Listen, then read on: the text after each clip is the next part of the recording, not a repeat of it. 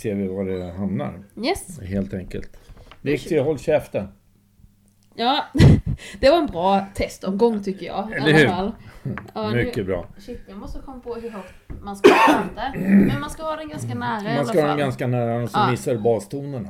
Och då, blir, ja, då blir det väldigt, eh, det, liksom, ja, det låga registret missar. Om du inte, om du håller den här borta, då, då blir det liksom mer mellanregistret och övre Okej. registret. Håller du nära så kommer basen. Och så behöver man inte prata lika högt då heller. Nej, det behöver man inte göra. Liksom. Det, det, det blir mer, eh, Men då tror jag att jag får sänka det blir lite mer här ett ser det ut som. samtal I alla i fall. förtroende. Oh. ja, Ja, du, det- du, du vet man aldrig vad vi kommer in på för ämnen. Eller hur? Men det känns som att min mick är högre än din. Om, om du vill snacka lite Ja, här. men jag ska snacka lite här. Jag tror Eh. att jag ska höja din lite. Ja, fast jag kanske, jag, jag kanske tar i. Ja, ja men då blir det nog bra. Blir tror, det? Ja, jag tror Ja. det.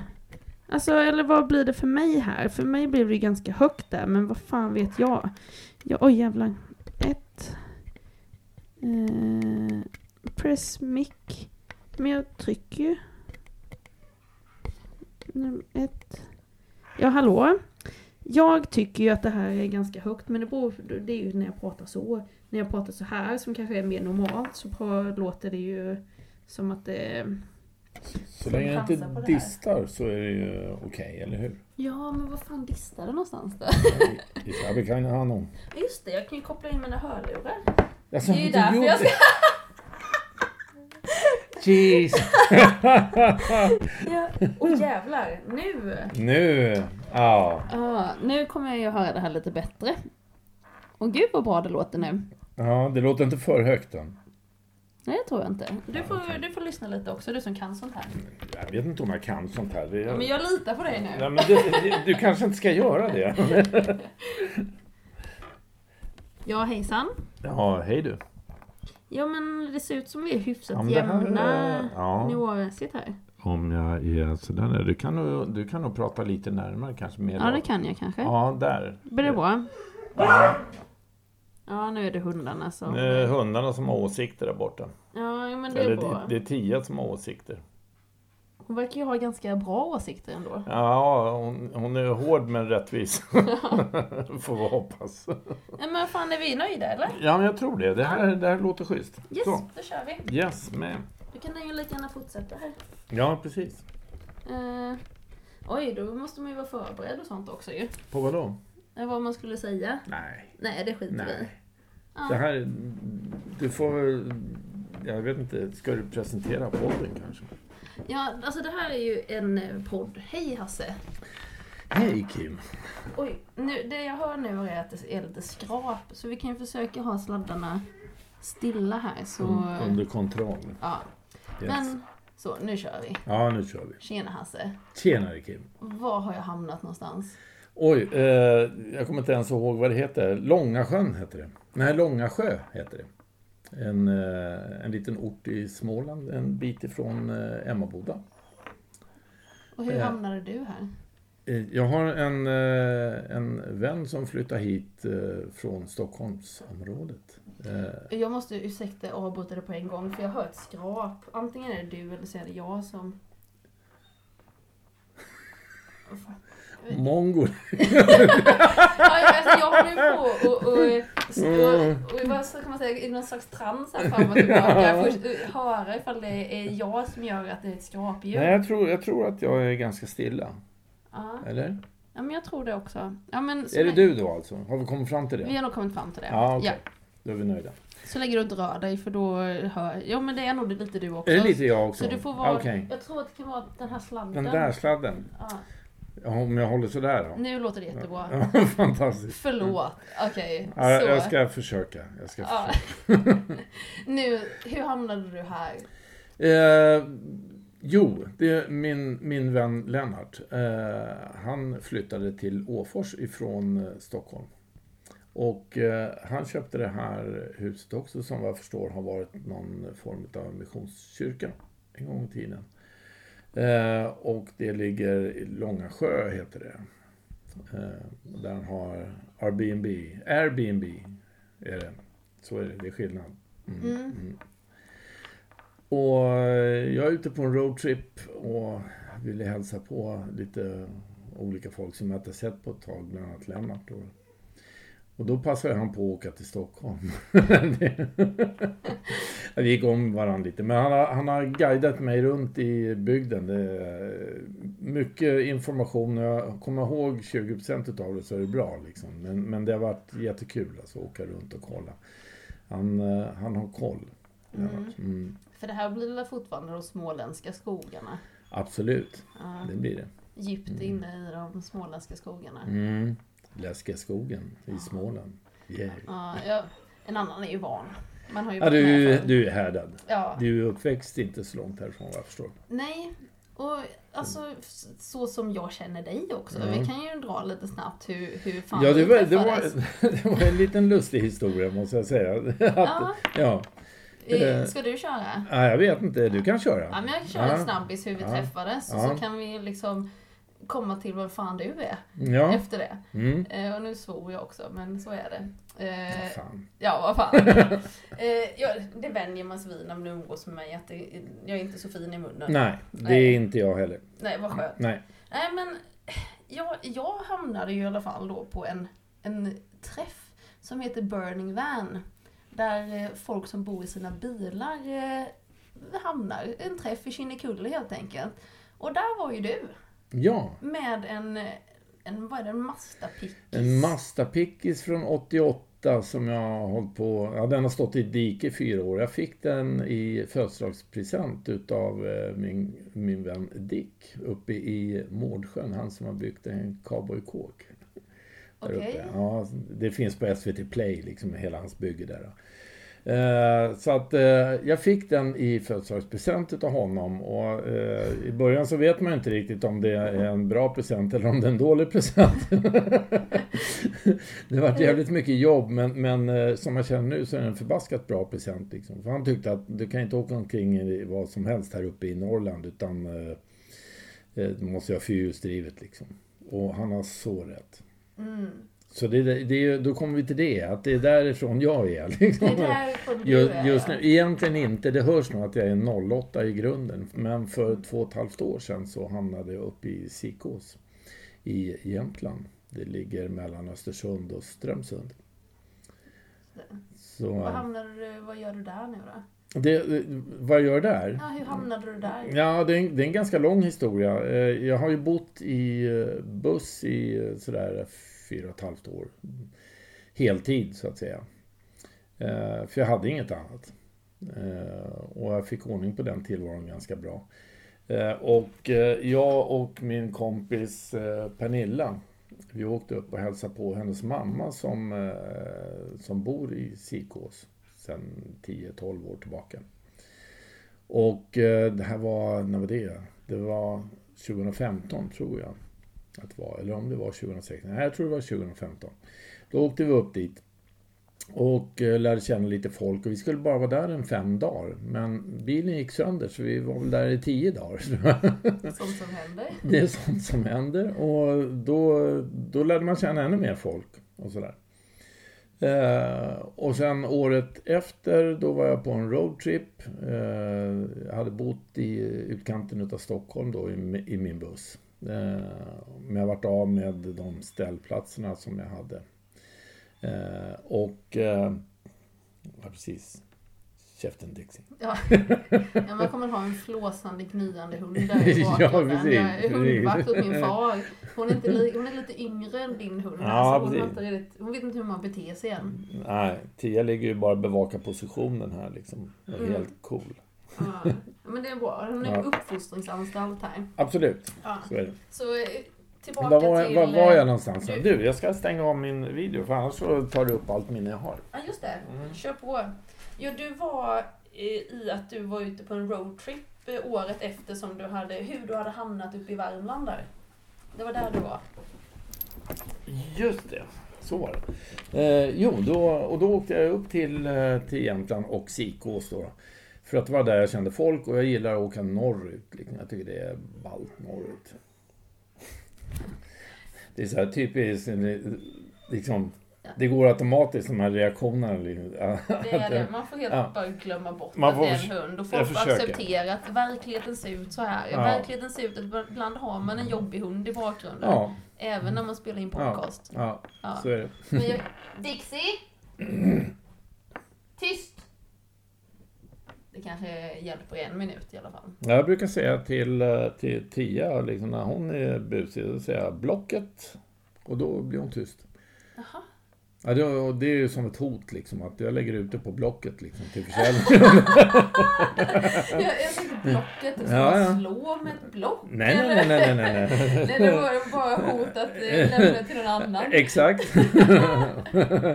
Då blir hon from som ett lamm. Ja, jag på taktiken att eh, med frihet kommer ansvar. Hon har inte riktigt förstått det här än. Nej. Så jag försöker ge henne en massa frihet, men hon har ju inte riktigt förstått det här med, med frihet kommer ansvar. Ah, okej. Men eh, vi jobbar på Hon, är, det. hon är så ung än. Ja, Den här tror jag rasslar, kommer jag på. Sådär gör vi. så. Ja. Nu är vi nästan nu på riktigt podcast-redo. Snart, snart är vi re- redo för det. här. Eh, vad var jag nu då? Jämtland. Jämtland, Sikås. Jo, roadtrip var det. Och jag, och jag ville åka norrut, för jag, jag gillar norrut av någon anledning som jag inte själv förstår. Liksom. Men eh, jag åkte upp dit för där hade jag lärt känna lite folk och var där och det var... Eh, det måste ju varit eh, 2016 ja, på, på sommaren.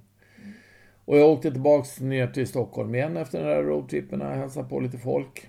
Och så kände jag efter ett par månader där att nej, det här var inte kul. Jag pallar inte med Stockholm längre. Riktigt sådär. Jag gillar det men orkar inte med det. Och det finns delar som jag inte gillar heller. Också, heter det. Eh, anyway, så ringer jag upp till en av mina nya bekanta uppe i Sikås och frågar, vet du ingen som har ett hus som kan hyra ut över vintern? Liksom där. Ja, ring den här killen.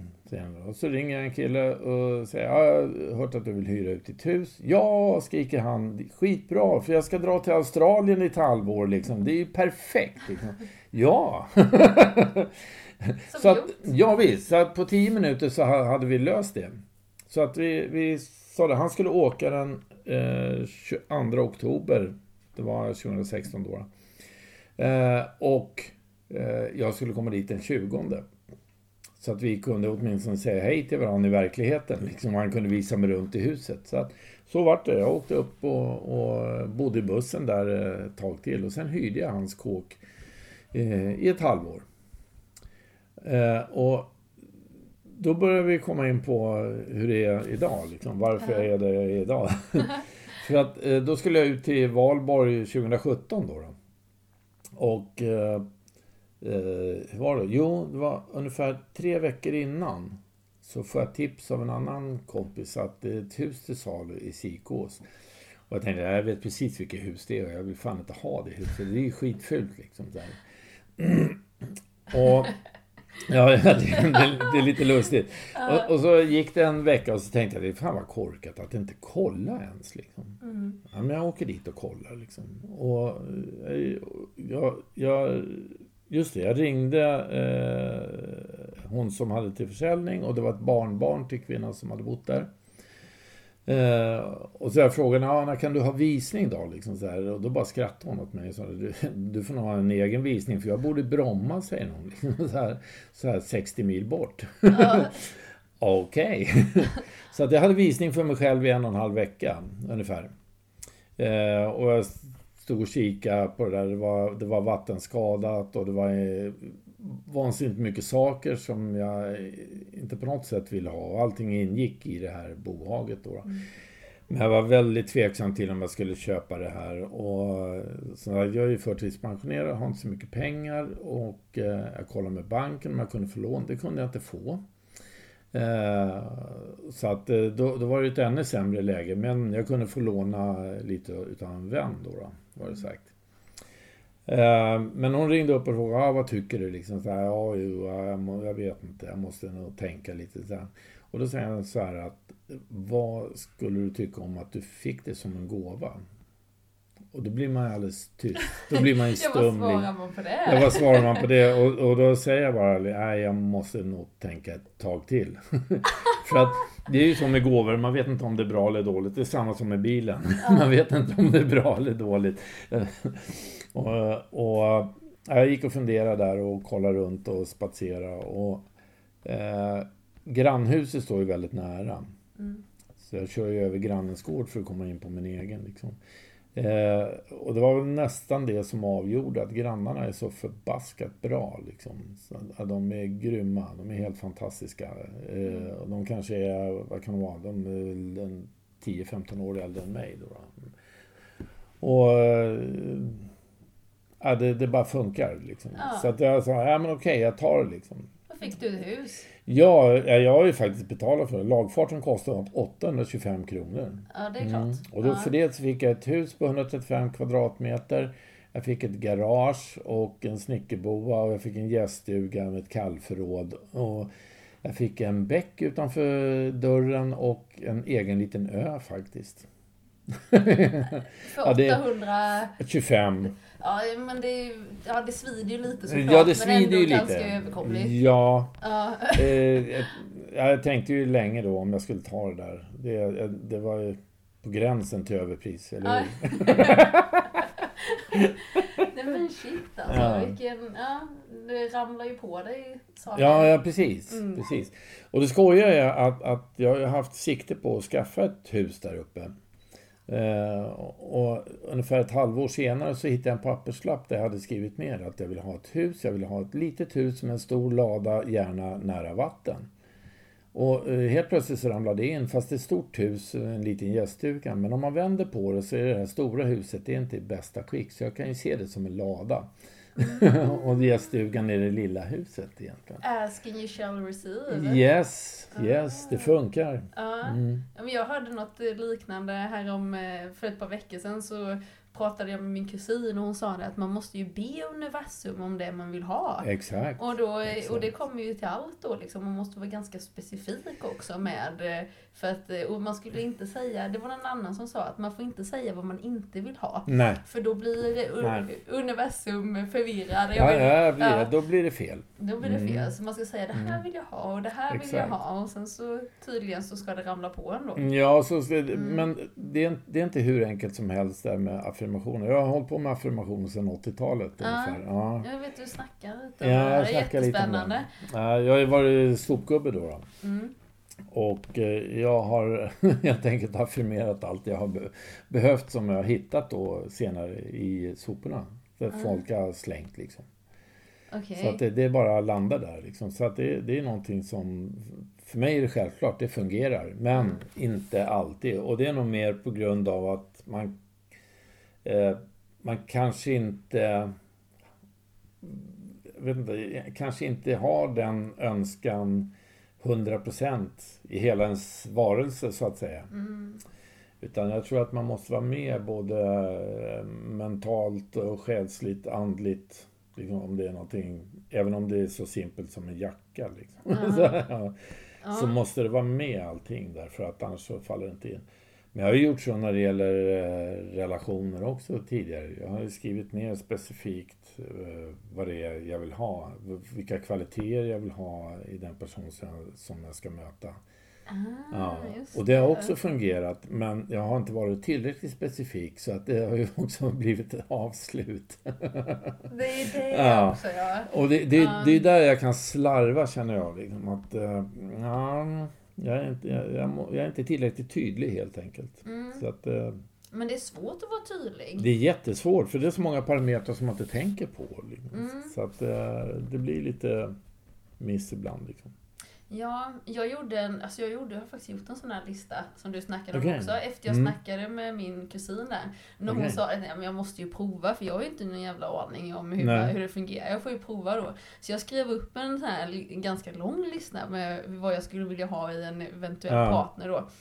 Eh, fan jag skulle säga något i det där som jag glömde. Jo, just det här att man vet ju inte riktigt allting. Så då skrev jag så här också att ifall det är någonting som, som då universum vet om som jag inte har tänkt på så kan du väl, då fixar du det. Då litar jag på att...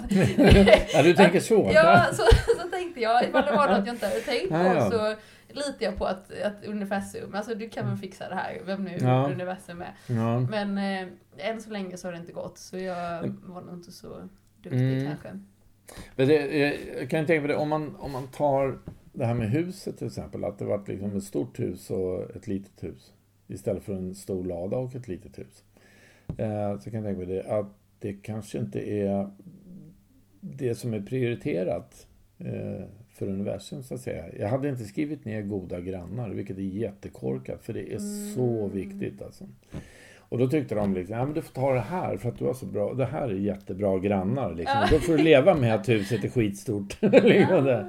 Ja, så kan det ju vara. Så kan det ja, så kan det vara. Ja. Ja. Men det är inte, alltså nu måste du ge, du som ändå hållit på med det här. För jag vet, du har gett mig något exempel med en jacka där sist som vi, vi träffades. ja, just det. Och det du, var, du, jag måste, ja. ja. du svängde ju också, för efter den här träffen så skulle jag ju iväg lite snabbt för jag fick lift med någon för jag är ju billös. ju- Ja. Så då, Normalt sett ja. normalt ja. sett så här. Så då, ja, nu har jag lånat farsans, men så då skulle jag ju springa iväg och bara mötte dig i farten där. Så Ja, då, så sa jag, "Nej, men jag ska till farsan nu, jag tror Ja. jag ska vara där i två veckor, så ifall du åker förbi så stanna och säg hej. Så Ja, detta är ju andra gången vi träffas efter den Exakt, här. eh, exakt. Eh, ja, och då berättade du för mig om den här jackan. Jackan ja. Ja, Ja, det, var, den- ja, det var en kompis som, som hade köpt en eh, jacka, en skinnjacka, så här, typ pilotmodell liksom, som var Mm. jäkligt cool och jäkligt dyr. Eh, men han ville gärna ha en sån och det då blev det en sån för, för dyra slantar och jag tyckte jag har ingen lust att lägga ner pengar på det där men jag skulle vilja ha en sån jacka. ja. Så att då säger jag till honom liksom att ah, det kommer inte dröja så länge förrän jag har en sån här, säger jag. Nej. Jaha, ska du köpa en då? Nej, nej, nej, säger jag. Jag tänker inte köpa en sån där. Den kommer till mig, säger jag. ja, han bara skrattar och tycker att det är bäng liksom. Det. Ja. Och, och det tog väl ett par, tre veckor, men så hade jag den jackan. Den, den, den kom farande. Och det, det är liksom inte eh, första och sista gången, utan det är gång på gång på gång så händer det här alltså. Och det var i so sopgubbetiden? Ja, då sopgubbetiden. Det, där, det, det var ju 80-talet då ja. Och eh, det var ju en tid, det var rena ymnighetshornet att jobba med sopor då Vad liksom. betyder umnätshornet? Det, det, det förlorar bara detta. rinner ut eh, förmögenheter och olika det, in, inte, inte pengar i, i dess renaste form men, men saker som jag har Mm. behov av och sådär. Mm. Så att jag har haft sjukt mycket grejer som, som eh, jag både har bett om och inte har bett om. Jag har, jag har möblerat eh, mina barns eh, lägenheter till viss del. Fixat kläder till dem och allting. Jag har ju, jag har ju inget klädkonto, jag har fortfarande inget klädkonto. Jag lever fortfarande på det som jag drog in på soporna. Liksom. Ah, just Ja. det. Snyggt. Och, och jag jobbade ju en period på Östermalm i Stockholm och det och det, var en helt bisarr upplevelse. Jag har aldrig haft en finare och dyrare garderob. Alltså. Det är helt otroligt. Bara värstingmärken alltså. Shit. Vad de nu heter. Det Som bara ihåg. sprängs i Ja, det är liksom ja, det är någon som har haft den en gång och så slänger de den. Viker ihop det fint. De, det är så här, eh, generellt så funkar det så här att folk eh, har kläder och sen tvättar de, stoppar in i, eh, i eh, garderoben, klädskåpet. Och... Eh, vart du orolig? Ah, nej, men jag tror att du, du blev lite hög, tror jag. Ja, ja. Fan. Ja, ja men kör på nu. Ja. Ursäkta. Ja. Eh, nej, de, de, de använder sina kläder. Om de nu använder dem, så använder de sina kläder. ja. Logiskt. Ja, Ja. det händer. Det, ja, och eh, det, det de gör det är att de tvättar upp dem och så lägger de in det i klädskåpet igen. Och eh, där ligger det. För att de har ingen lust att ha det någon mer gång. Så att det de gör då, liksom, att det, det kommer ju till de här vårstädningarna och höststädningarna, du vet, eller bara en allmän städning. Så, äh, Mm. orkar inte ha den här skjortan, vill inte ha de här brallorna. Liksom. Ner med det i en påse och så skickar man ner det i sopnedkastet. Och då kommer jag där. eller någon av mina polare. Ja. Det, det, vi har haft jätteroligt med det där. För För då har vi stått i omklädningsrummet liksom alla med, med sina fynd. Liksom, så här, ja men det här är din storlek, den kan du ta. Liksom. Ja men skitbra liksom. Du kan få den här, för det här är lite mer din style. Eller hur? så, så har vi hållit på. Shit, det, är alltså, det låter som ett paradis för mig. Det är ett paradis. Ja, liksom. ja. Och man har ju man har gjort lite, eh,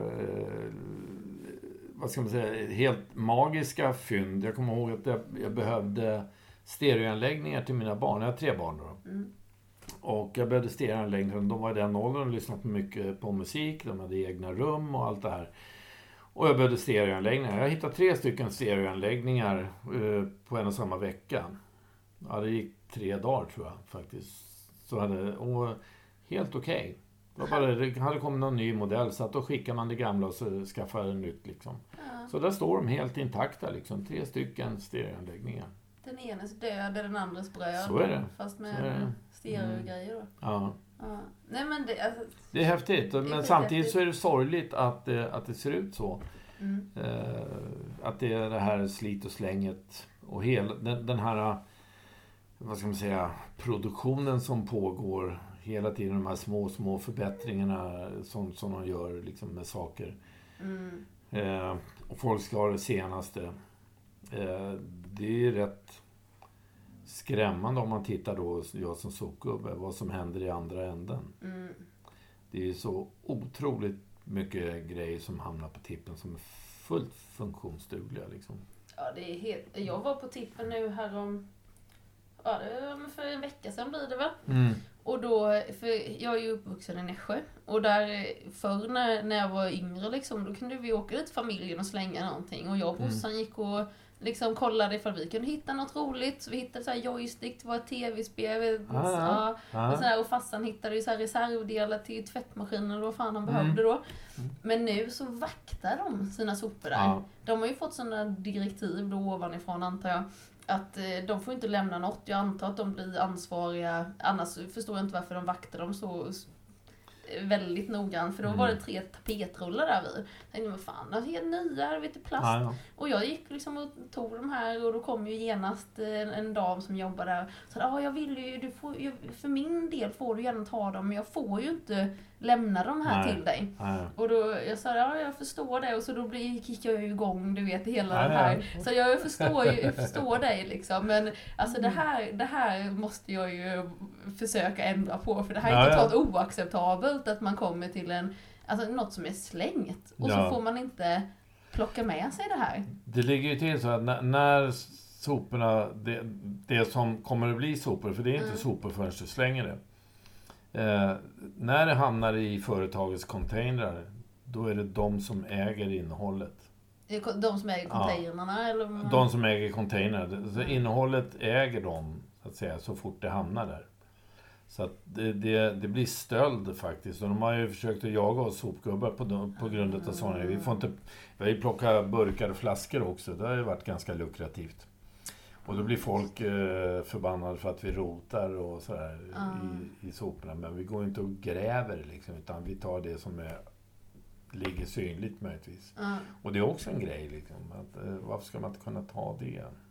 Nej, jag har ju tänkt att, ursäkta nu avbryter jag det. alltså jag har ju tänkt att jag ska fan gå hela vägen. Nästa gång jag är där och jag ser några, vad det nu är, då ska Mm. jag plocka det och säger någon någonting så Ja men då får jag, jag vill se hur fan, hur långt går det? Ringer de polisen? Går jag, kommer jag till rättegång få, liksom? Hur, eh, 12-13 år sådär tror jag. Liksom. Ja minst Ja. det! Alltså jag jag är, alltså vill man Nej, hälsa på dig, det är lugnt. Ja du gör det? Ja, Tack! ja, för fan. Ja men lite, alltså, Ja. alltså lite de här jävla reglerna, måste, har de inte någon logik, bak, logik bakom måste man ju få rebella lite. Ja, det, Det, det, fin, det finns ju de som har lite bättre logik än andra, men det hänger ju på kommunen väldigt Mm. mycket. Och eh, där eh, jag bor, då, Hammerdals kommun, där kommer de att göra så att de har en avdelning för eh, friska sopor, så att säga. Det som Mm. är användbart och folk kan plocka ifrån. Liksom.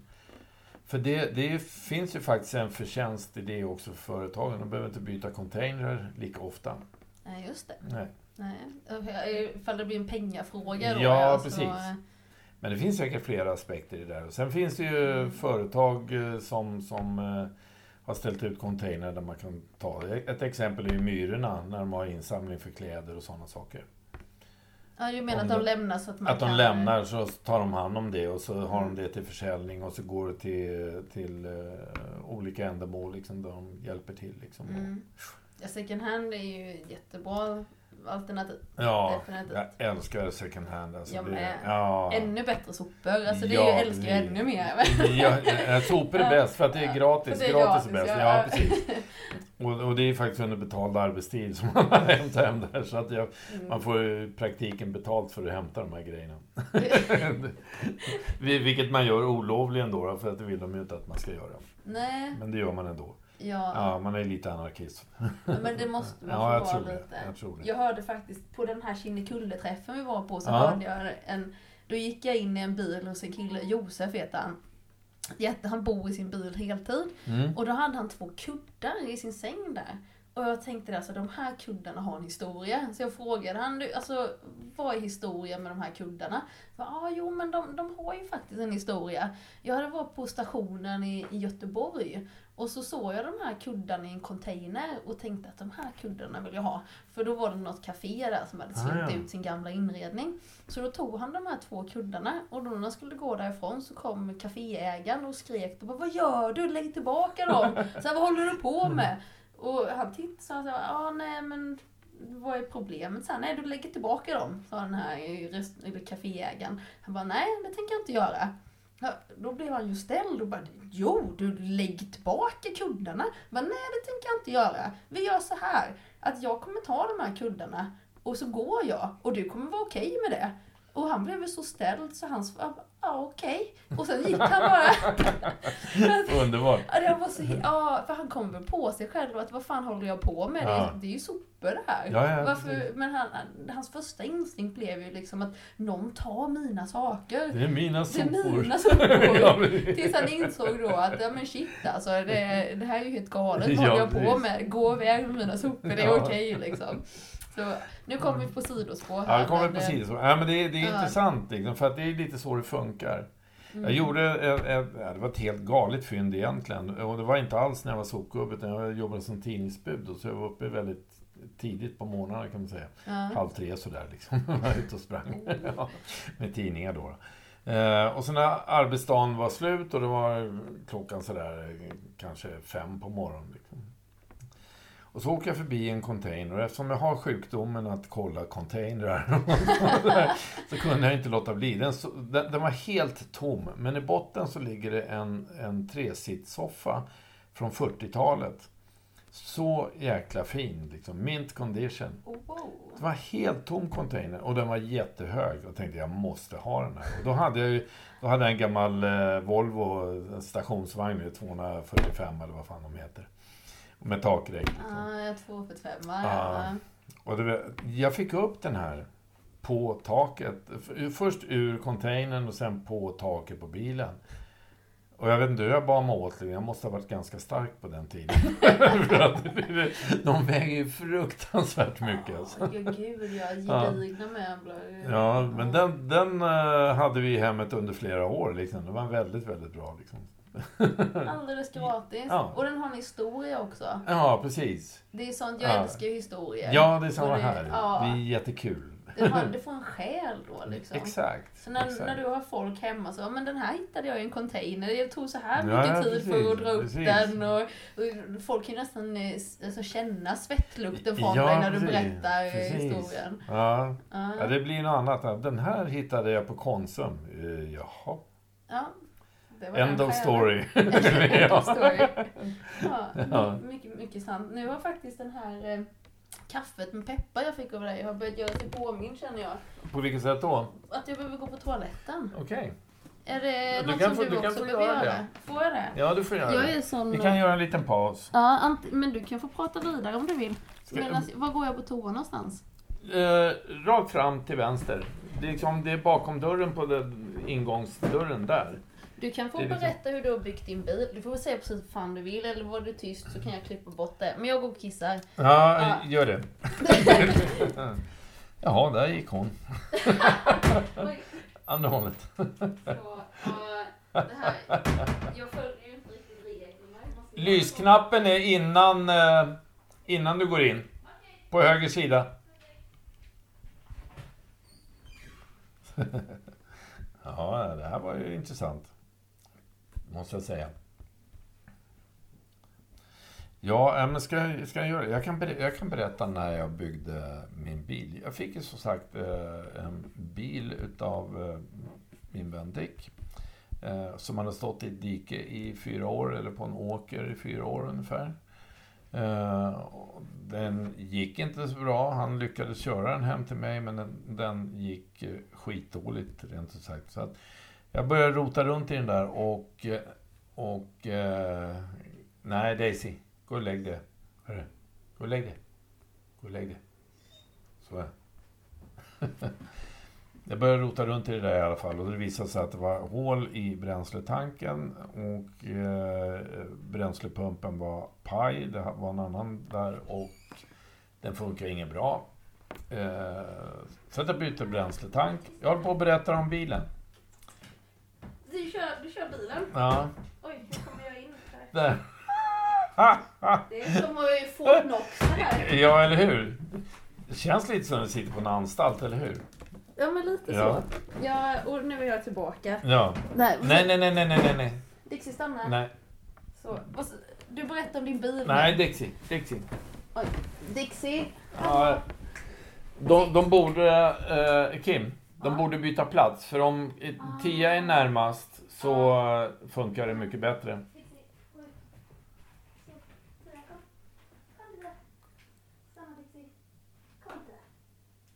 Tia. Tia. De Tia. Tia. Hallå gumman. Tia. Ja, de fattar ingenting. Nej. Det är två, två frågetecken som står där ute i Ja, gången. nu- Ja, nu vart det rätt. Sådär. Så blir det. Så. Jo, eh, jag fick ju den här bilen utav Dick, min kompis. Mm. Och eh, det gick som skit. Hacka och gick knappt framåt. Och jag insåg att det var eh, bränslepumpen som var paj. Han hade satt dit, förra ägaren hade satt dit en annan bränslepump, en elektrisk historia. Och eh, det var hål i bränsletanken. det var de första felen. Så att eh, jag började med att byta bränsletank, jag bytte bränslepump och delar finns ju inte längre att köpa till de där. Så jag, jag hittade en bränslepump i Australien som de skickar. Ja, det, man får Oj. ebaya sig liksom. Det är på Ebay allting finns. Liksom. Ja. Men Mazda, är det japanskt eller? Det är japanskt, men det, i och med att det är, är mer än 10 år gammalt så bara försvinner det från hyllorna. Liksom. Och det här, den här är ju mer än 30 år gammal. Liksom. Okej. Ja. Uh, anyway, så, och så bytte jag bränsleslangar också. Då började den gå rätt bra igen. Liksom. Uh, och så gick ett bromsrör, då fick jag byta det. och så var det en jävla massa rost, så jag har varit tveksam länge till hur jag ska göra med den här rosten. Liksom. Jag visste inte riktigt om jag skulle fortsätta jobba med den här bilen. Liksom. Uh, men i och med att jag sålde min buss som jag hade tidigare så fick jag ju lite pengar där. När ditt boende du hade i fyra år. Precis. Ja. Det boendet, när jag sålde det så fick jag ju pengar till att laga rost. Eh, det är en gubbe, en lättländare i byn där som är jäkligt duktig på att svetsa. Eh, och han hjälpte mig med det. De vet hur man jobbar på riktigt med bilen. En riktig bilmekaniker, plåtslagare liksom. Just Ingen modulbytare som jag ser utan det är någon som kan mecka med bilar. Ja. Och de är vana vid sådana, han lyfte inte ens på ögonbrynen och själv tyckte jag liksom bara wow, det här, är- det här är illa liksom. Ja, inga problem, jag fixar det. Snyggt. Och det gjorde han. Han fixade det, så han sydde ihop allting. Och eh, följden av det är att den började gå ganska bra och att all rost, inte all rost, men nästan all rost var fixad. Så gick jag och funderade på vad jag skulle göra nu. Jag ville ju ut på min roadtrip i år igen. Liksom. Jag åker på en roadtrip varje år. Liksom. Och så gick jag och kollade liksom, vad har jag för någonting egentligen som jag kan göra något av. Ja, men jag kan nog bygga en liten låda på flaket. Och jag hade massa reglar, jag hade massa skruv och, och grejer så här. Så att jag köpte några skivor till och sådär. Och så började jag bygga en bolåda på flaket. Så det är det, det är det jag har just nu. En liten bolåda på flaket som jag bor i. Och det funkar alldeles ypperligt. Det är, det är precis så att Tia och jag får plats. Liksom. Och hon är ju så cool så hon bara accepterar ju allting. Liksom. Ja, är det här vi ska vara nu? Okej. Det är trångt men okej. Ja, kör Ja, vi. ska vi sova skavfötters nu? Ja, ja okej. Hon bara köper allt liksom. Den är ju fantastisk. Ja, jättehärlig hund verkligen. Ja. Så att... Då har vi tagit oss ner i landet, hälsat på eh, mina barn och syskon och vänner, barnbarn också. Och sådär. Så att eh, den processen pågår fortfarande. Ja, Jag måste ju lägga ut någon slags, eller jag kan ju, så gör vi istället. Jag länkar ju såklart till dig. När, Ja, det- när jag är i poddar. För de, det här måste ju ses den här bilden. Ja, ja, ja. För den är ju helt fantastisk. Ja, Den är ju, vad du kallar för red... Red, Red Wreck. Det röda, röda vraket. För att det var vad det var från början. Och så att det, den har väl blivit bättre, men det är ju som sagt ingen modern bil. Och man får, jag har ju jobbat lite med den under tiden jag har varit ute och rest här. Så mm. det, det behövs liksom. Det är lite skumma grejer som händer. Men det är som sagt en, en över 30 år gammal bil. Liksom, så här. Men det, det är fortfarande saker som jag förstår. För det mesta så behöver jag inte lämna in det på verkstad, utan jag kan fixa det själv. Liksom, vilket är jätteviktigt för mig. För att här, äh, nya bilar med elektronik och sånt, jag har inte råd att lägga in det på en verkstad. Helt plötsligt kostar det 10 000 liksom. Det har inte jag pengar till. Liksom. Nej. Jag är fattig pensionär, säger jag. Ja, fast jag brukar säga att jag lever på avkastningen av mitt yrkesliv. Eller från mitt yrkesliv. Ja, Det blir pensionen menar du? Ja, Ja. ja ja, det är väl det som är tanken i alla fall. Att Exakt. det ska vara. precis. Ja. Så att, eh, Men var, var det du som berättade det för mig, var gränsen till fattigpensionär var någonstans? ja, det ligger, ligger någonstans, eller det som är minimibelopp för att man ska, eh, det som är acceptabelt eh, att, att få in, det är ju 11,5 tror jag. Ah. Så jag ligger en tusing över, jag får in 12,5 varje månad. Liksom. Men det går, det går ju faktiskt att göra det. Och, och jag har faktiskt varit så smart att jag har rensat alla mina utgifter tidigare. Då, då. Mm. Men det var tack vare en kompis som, som sa det att, att eh, det är nog bra att göra det ifall det här skeppet sjunker. Då, då jobbar vi i sopsvängen. För det har alltid varit mycket konflikter där. Liksom. Mycket bråk och mycket konflikter. Ja, alltså det är ju något man har hört, liksom så här sopkriget i Stockholm. Men Jajamän. alltså, man, jag, är ju Jag är väldigt insatt, delaktig alltså. i det. Ja, jag är ju inte insatt, men jag har ju hört liksom Ja. att det är... Det har ju varit eh, lite klagomål också på lönerna och så här, men Ja. ändå verkar ni ha hyfsat bra lön. Vi, vi har haft väldigt bra lön, men det baseras ju också på eh, ett väldigt bra lönesystem där man faktiskt får betalt för det man gör. Mm. Eh, problemet är eh, från, från början, tror jag, ren och skär avundsjuka. Eh, att vi har haft ganska korta dagar i förhållande till andra. Vi har inte jobbat åtta timmar om dagen, liksom, vilket är helt vansinnigt om man bär tunga grejer hela tiden. Mm. Jag kan säga, vår, våran bil som jag körde de sista åren här, den drog in ungefär 60 ton i veckan. Bara en bil. Mm. Så jag bar själv alltså 30 ton varje vecka. Och då bär man det på ryggen eller eh, det finns ju hjälpmedel också eh, men det funkar inte i Stockholms stad riktigt sådär, utan det är väldigt mycket bära fortfarande. Så att, eh, för det är ju K-märkta hus och man kan inte bygga soprum hur som helst utan det är in på gårdar och stök och bök hela tiden. Liksom. Man vill ju man vill ju gärna bygga om så att det är kärl istället för sopsäckar. Och kärl är helt vansinnigt. För att det sätter helt andra påfrestningar för kroppen. Liksom. Du har sett kanske de här villakärlen som... Alltså menar du de här gröna De här soptunnorna gröna, ja. och bruna Ja, är väl de ja. här avfalls... Ja. Om du tänker då, de, de är designade för någon som kanske är 1,75 eller 1,80 kanske. Mm. Någonstans däremellan. Då har du en bra vinkel på det och du kan dra det. Liksom. Det är bara det att alla är inte 1,75 och 1,80.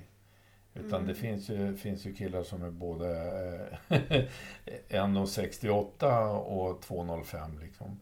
Ja. Och det säger sig självt att det blir helt vansinnigt att dra en sån där kärra då liksom. Mm. Eh, Så att det blir ju yrkesskador på grund av det. Liksom. Och sen är det ju, eh, ja, det är andra problem. Det finns så här stora kärl, liksom 700 liters kärl tror jag det är. Ja, just det. Ja. Och baxa runt ett sånt, det, det är stora påfrestningar för ländrygg och, och bäcken och sådana saker. Liksom, för att hantera ett sånt kärl. Liksom. Så att det blir skador på ett annat sätt i, istället för de gamla skadorna där det var väldigt mycket axlar. Så, ja, det är fortfarande axlar men det är väldigt Mm. mycket mer knän och, och eh, ländrygg och sådana saker. Och det är vanligt bland sopgubbar? Det är jättevanligt och, och det under min karriär, jag har jobbat i ungefär 20 år som sopgubbe, så vet jag om tre stycken som gick i pension. Och eh, två av dem dog ganska omgående efter pensionen. Det, det, det är så hårt så att ingen Mm. har gått i pension. Liksom, riktigt. Ja, det är så Mm. pass Ja. alltså.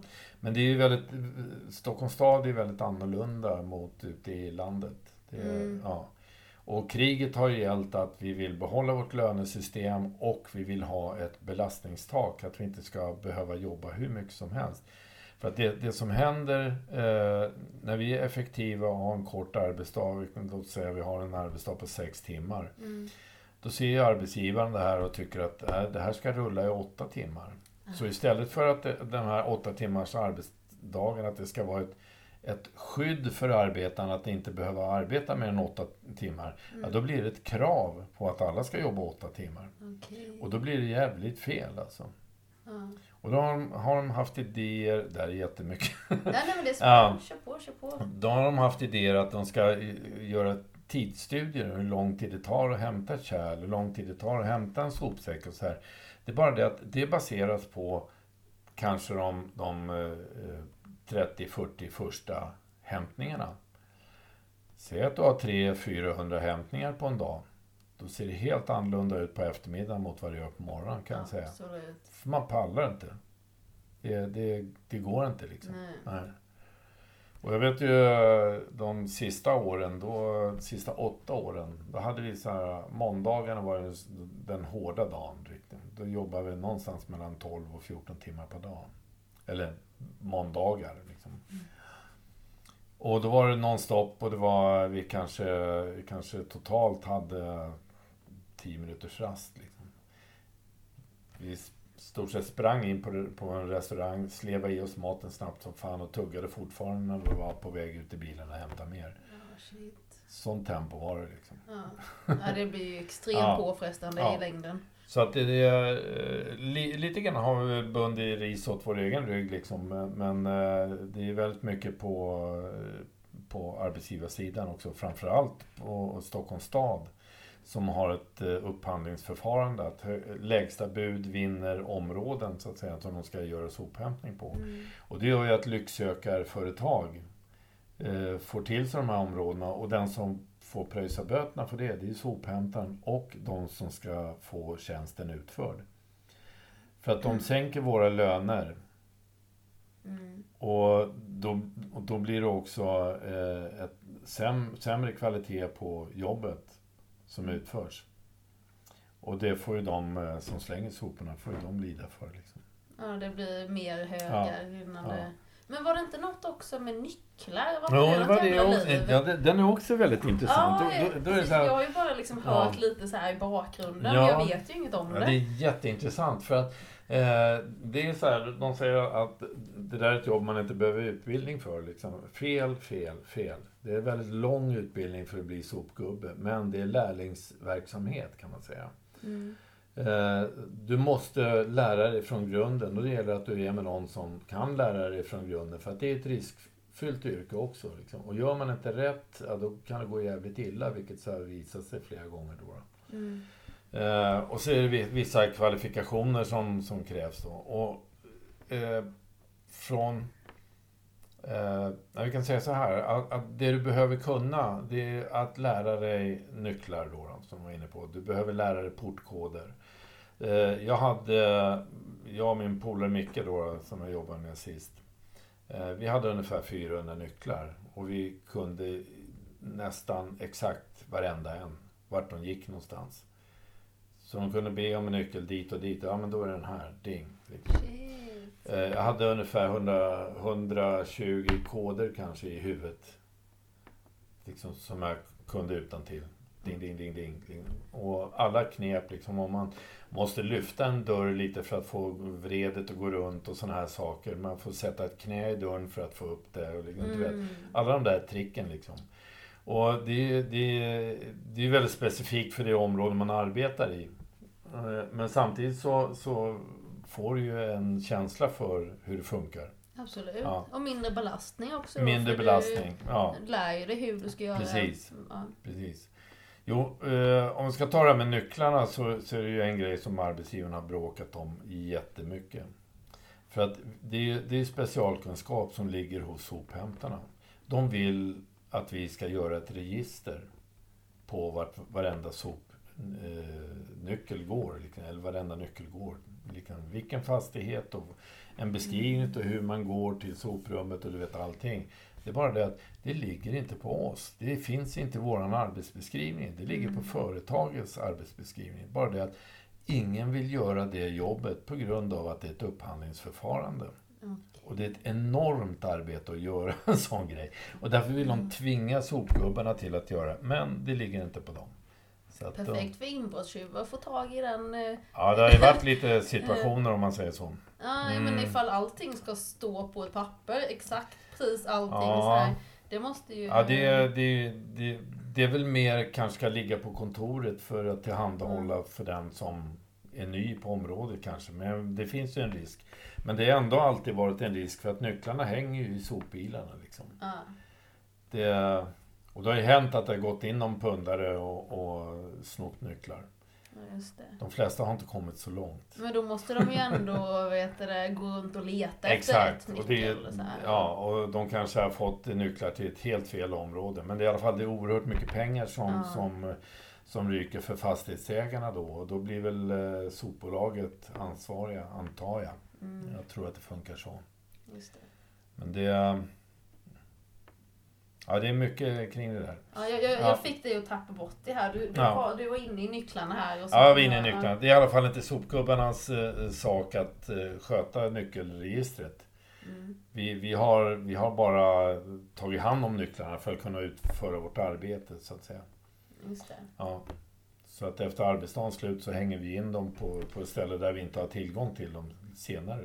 Just. Mm. Men de, anledningen till att de vill ha det så är för att de ska kunna få in nytt folk snabbt då. Ja, det, är, det, är, det här är ju spetskompetens som vi kallar det. Ja. Eh, liksom hur man går, hur man kommer in, hur man, eh, hur man tar sig fram liksom, på ett Mm. smidigt sätt. Kan jag säga att en, en av de här strejktillfällena då, då var det ju eh, en arbetsgivare, han var förbannad när vi gick i strejk.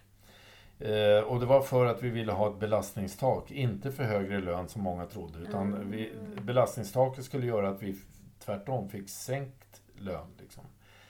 Och en arbetsgivare han var förbannad och skickade ut eh, ett gäng som var helt novisa. Med, ja, jag tror det gick ut en, en, en sex bilar ungefär Mm. på ett företag. Med helt okunnig personal. De var bara inkastade. Det var någon som hade kört grovsopor men det är långt ifrån samma sak som Mm. hushållssopor. Eh, och eh, det som hände det var att eh, det vi drog ihop eh, på en arbetsdag, eh, om vi säger en vanlig måndag, det var ungefär 20 ton. Så där drog vi in eh, den, den stora biten liksom på hela veckan. Liksom. Då lyckades de på, på ungefär 10 timmar så drog de in ett ton. Och det säger lite om att det, det, det är någonting som fattas där. Liksom. En jävla Ja, skillnad. det är en jävla skillnad. Ja. Alltså. Ja. Så Men vad fick de eh, ge sig då, arbetsgivarna? De fick ge sig för att det var en kille, han hamnade på sjukhus och det var två bilar som var ramponerade. Liksom. Han körde Som var sönder, vad? ramponerade, körde sönder dem. De körde sönder två bilar. Och de där bilarna, de är inte billiga. De kostar några miljoner styck liksom. Mm. så, Ja, då fick de så att det var, eh, ja, det var, det tillbaka. ja, det var lite knäpp på näsan för det företaget. Då fick de lära sig att det här är, görs inte utav vem som helst. Utan det Mm. krävs faktiskt en väldigt lång utbildning även om andra hävdar tvärtom. Liksom. Ja, men så är det ju med vad man än gör liksom. Ja, det, precis. det blir ju en, alltså man Mm. blir ju duktig på sin sak, det Exakt. man gör.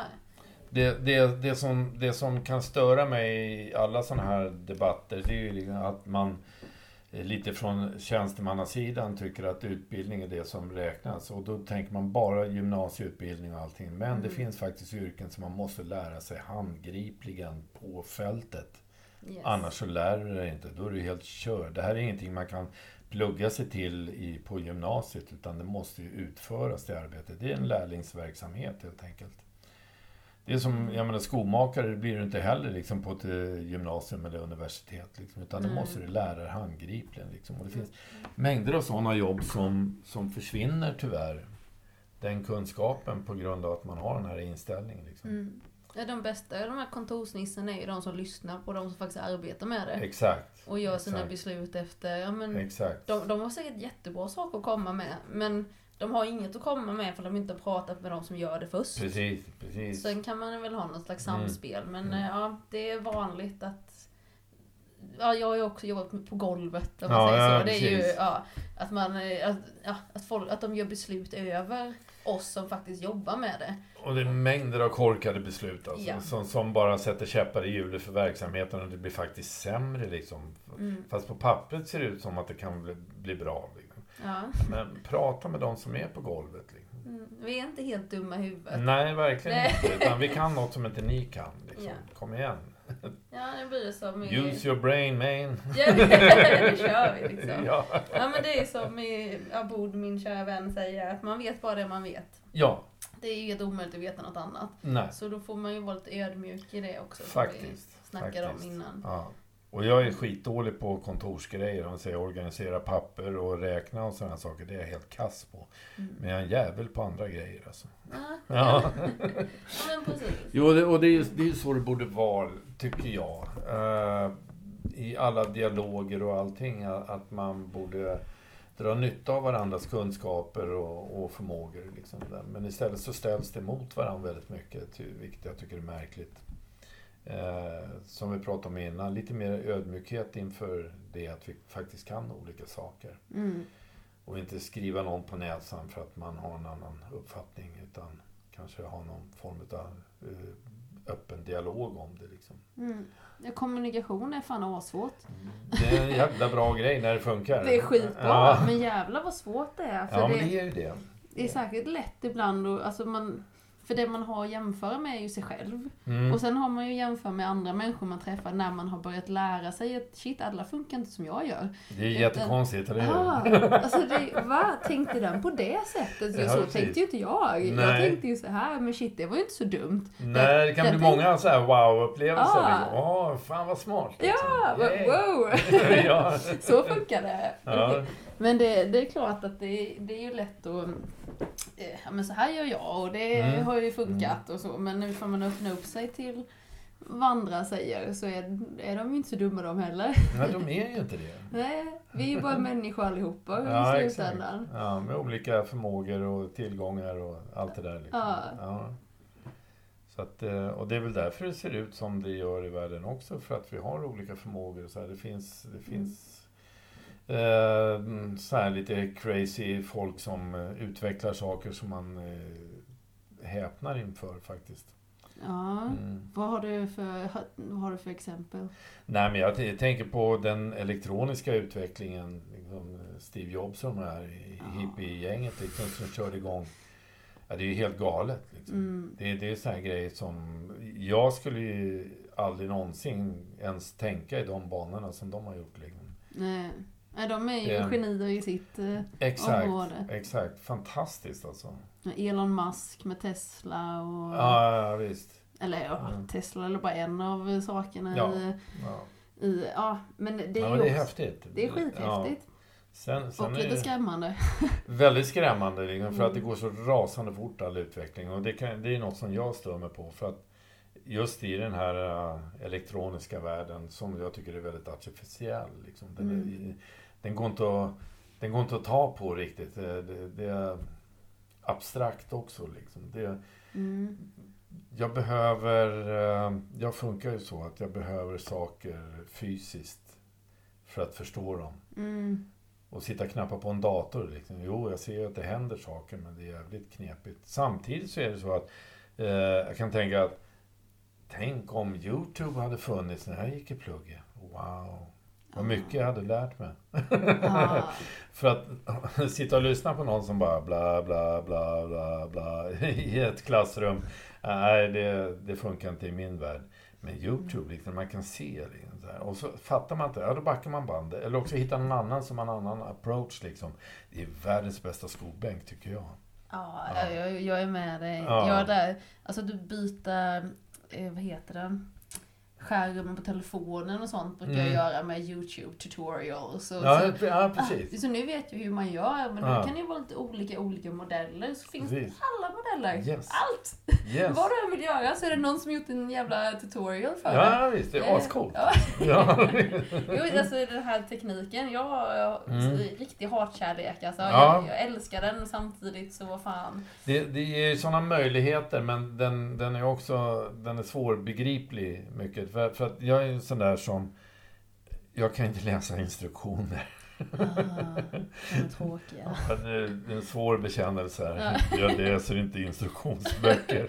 Ska vi prata om det? Ja, jag tycker det är, nu är det en bikt-situation här. Tolvstegsprogrammet i Ja, instruktioner. jag heter Hasse. Jag kan inte läsa instruktioner. Jag finns här för dig, berätta allt. Nej, det är bara så. Jag kan inte läsa instruktioner. Okej, då går vi vidare. ja, ja, för det, har, har man läst punkt 1 och punkt 2 och börjar på punkt 3, då minns man inte längre punkt 1. Liksom. Gör så här. Och speciellt om det är på en sida på datorn. Liksom, att gör så här. Om man behöver hjälp. Liksom. Går man in på hjälpsida och så sitter man och läser. Gör så här, det är det, det, och så är det ett antal steg man ska gå igenom. Och så gör man de första två stegen. Sen då? Ja, då måste man ju gå tillbaka och titta liksom. Ja, men hur var det nu? Ja, då har den sidan försvunnit som man höll på med och liksom massor med så här konstiga saker händer liksom. Så att jag får ju, jag får ju stressanfall utav det där liksom. Ja, då är du sån då att du kör själv och försöker leta reda på hur man gör det?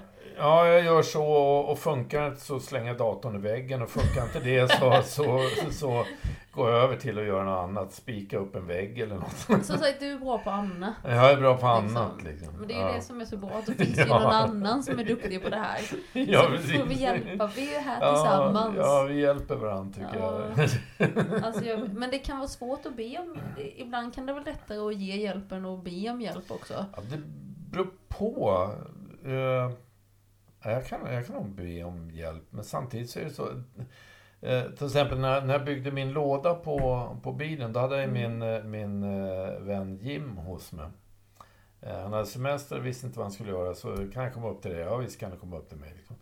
Och han hjälpte mig med lite grejer, så, men bara det som eh, jag kände var inte några kritiska delar i det jag höll på med. För att det är så, är det så att jag misslyckas med någonting, då vill inte jag peka på någon annan än mig själv. Liksom. Mm. Det här gjorde jag fel. Det enda sättet för att jag ska lära mig, och så vill jag inte lägga skulden någon annanstans. Nej.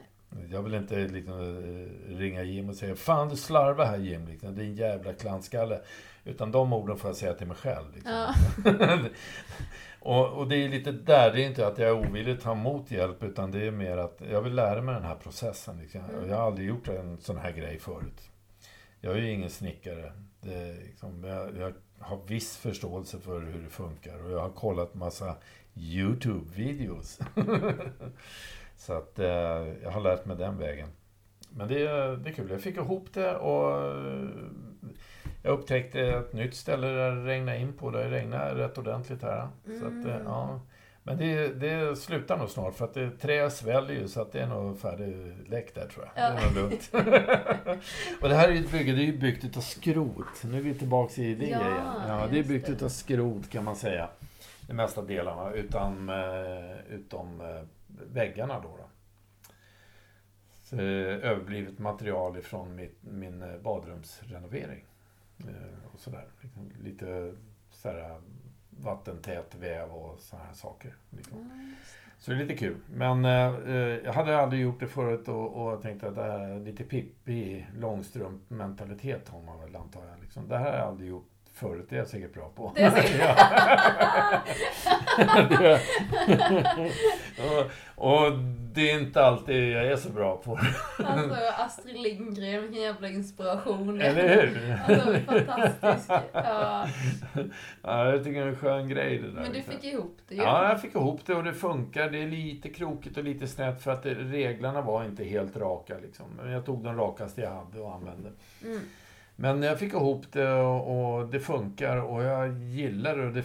Jag gillar det mer än vad jag trodde att jag skulle göra för det är väldigt litet. Det är väldigt litet. Liksom.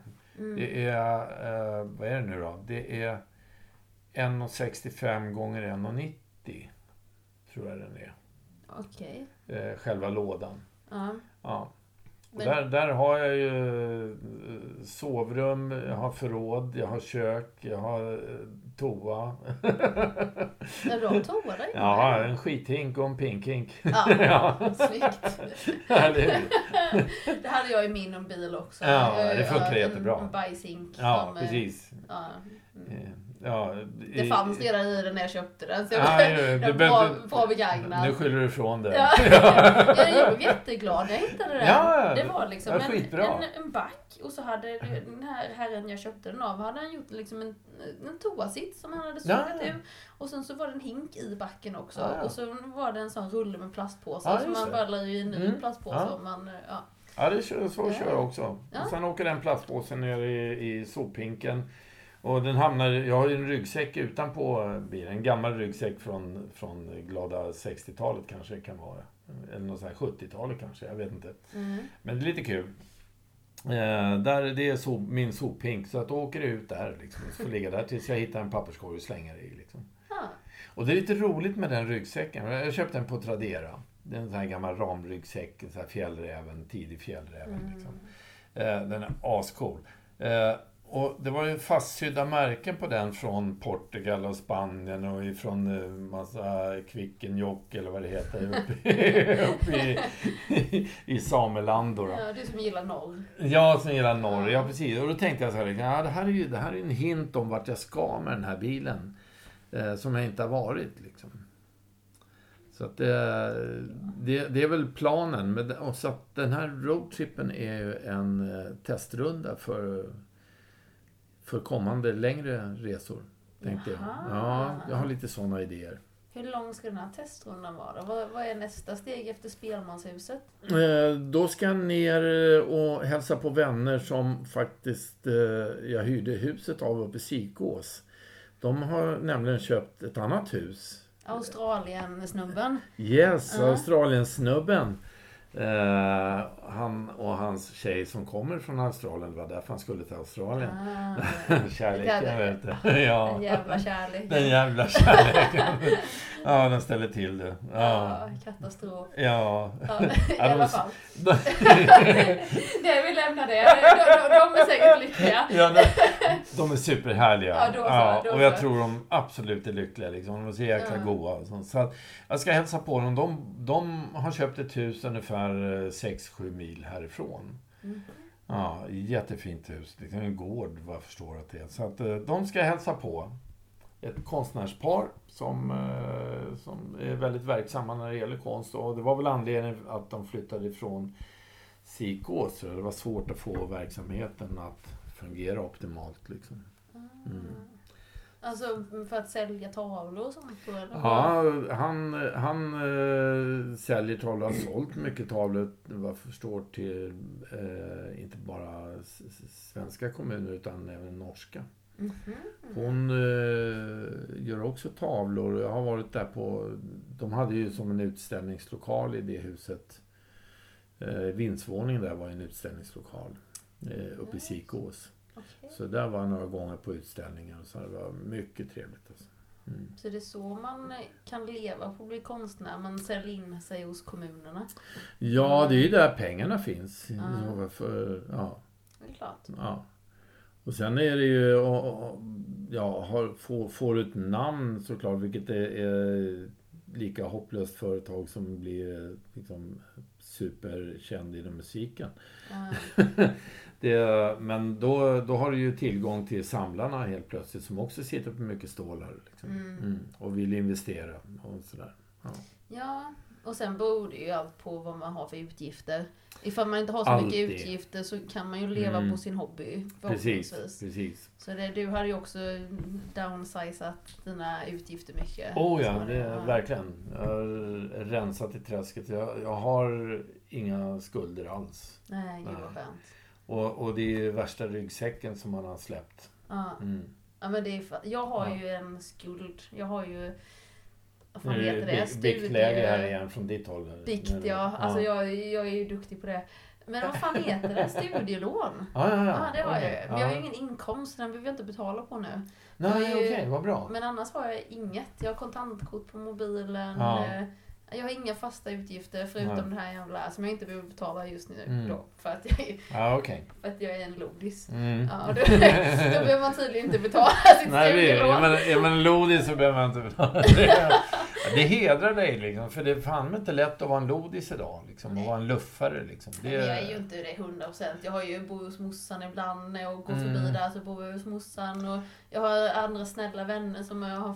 Jag har haft så mycket Ja, men det är trevliga ändå vänner lite, har- lite luffarmentalitet sådär. Det, Ja. du, du äger ju inget eget boende eller någonting sånt där. Nej. Nej. Alltså jag är ju, jag har är lite- luffarmentaliteten Ja, även om jag inte ja. 100% är en luffare. Så Det är, jag, det är lite, det är lite Ja. roligt faktiskt. Så där, där har vi något gemensamt. Ja. När, för när jag var kanske runt 15 eller något sånt där. Då, då sa min mamma till mig att hade du varit ung när jag var ung, då hade du varit luffare, sa hon. Ah, Mm. Just det. Och eh, då, hon, hon såg ju någonting som jag själv inte hade sett då. Men, men samtidigt så har jag upplevt det eh, väldigt många gånger. För att flera gånger varje år så får jag en sån här känsla av att jag vill dra. Liksom, Mm. Dra vidare, måste förflytta mig, liksom, måste röra på mig. Liksom. Och det har inte varit så utav olika anledningar, liksom, med familj och, och massa åtaganden med arbete och sådana saker. Då har det varit jävligt stationärt. Liksom. Så min tillflykt har ju väldigt, väldigt mycket varit eh, skogen och det har varit motorcyklar. Mm. Tillfälliga små trippar liksom ut någonstans. Liksom Är det hastigheten i motorcyklarna eller? till, till viss del så har det väl varit det. Men Ja. det är inte... Och det lugnet i skogen? Ja, för, ja. Eller? Ja, det, det, det är både och. Det är både lugnet i skogen och, och det är där eh, kanske den värsta hastigheten har ägt rum.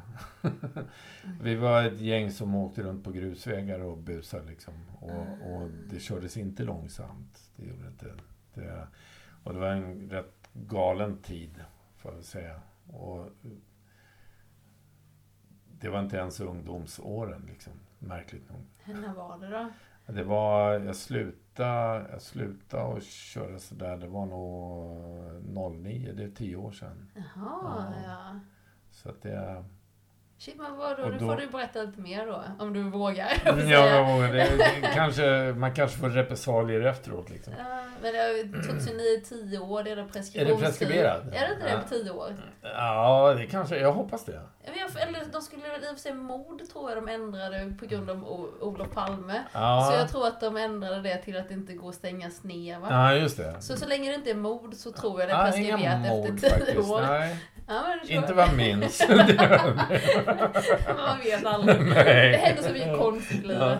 En och Ja. annan insekt vet jag att vi har avlivat. Det, det, så är det ju Ja, faktiskt. men det tror jag också är preskriberat nu då. Ja, Det är och- karmakontot i så fall. Ja, ja, det, ja precis. Karmakontot, ja, ja, det hamnar ju där. Ja. Ja. Nej, men vi... Jag vet jag, jag har ju åkt motorcykel sen, eh, vad blir det? 73.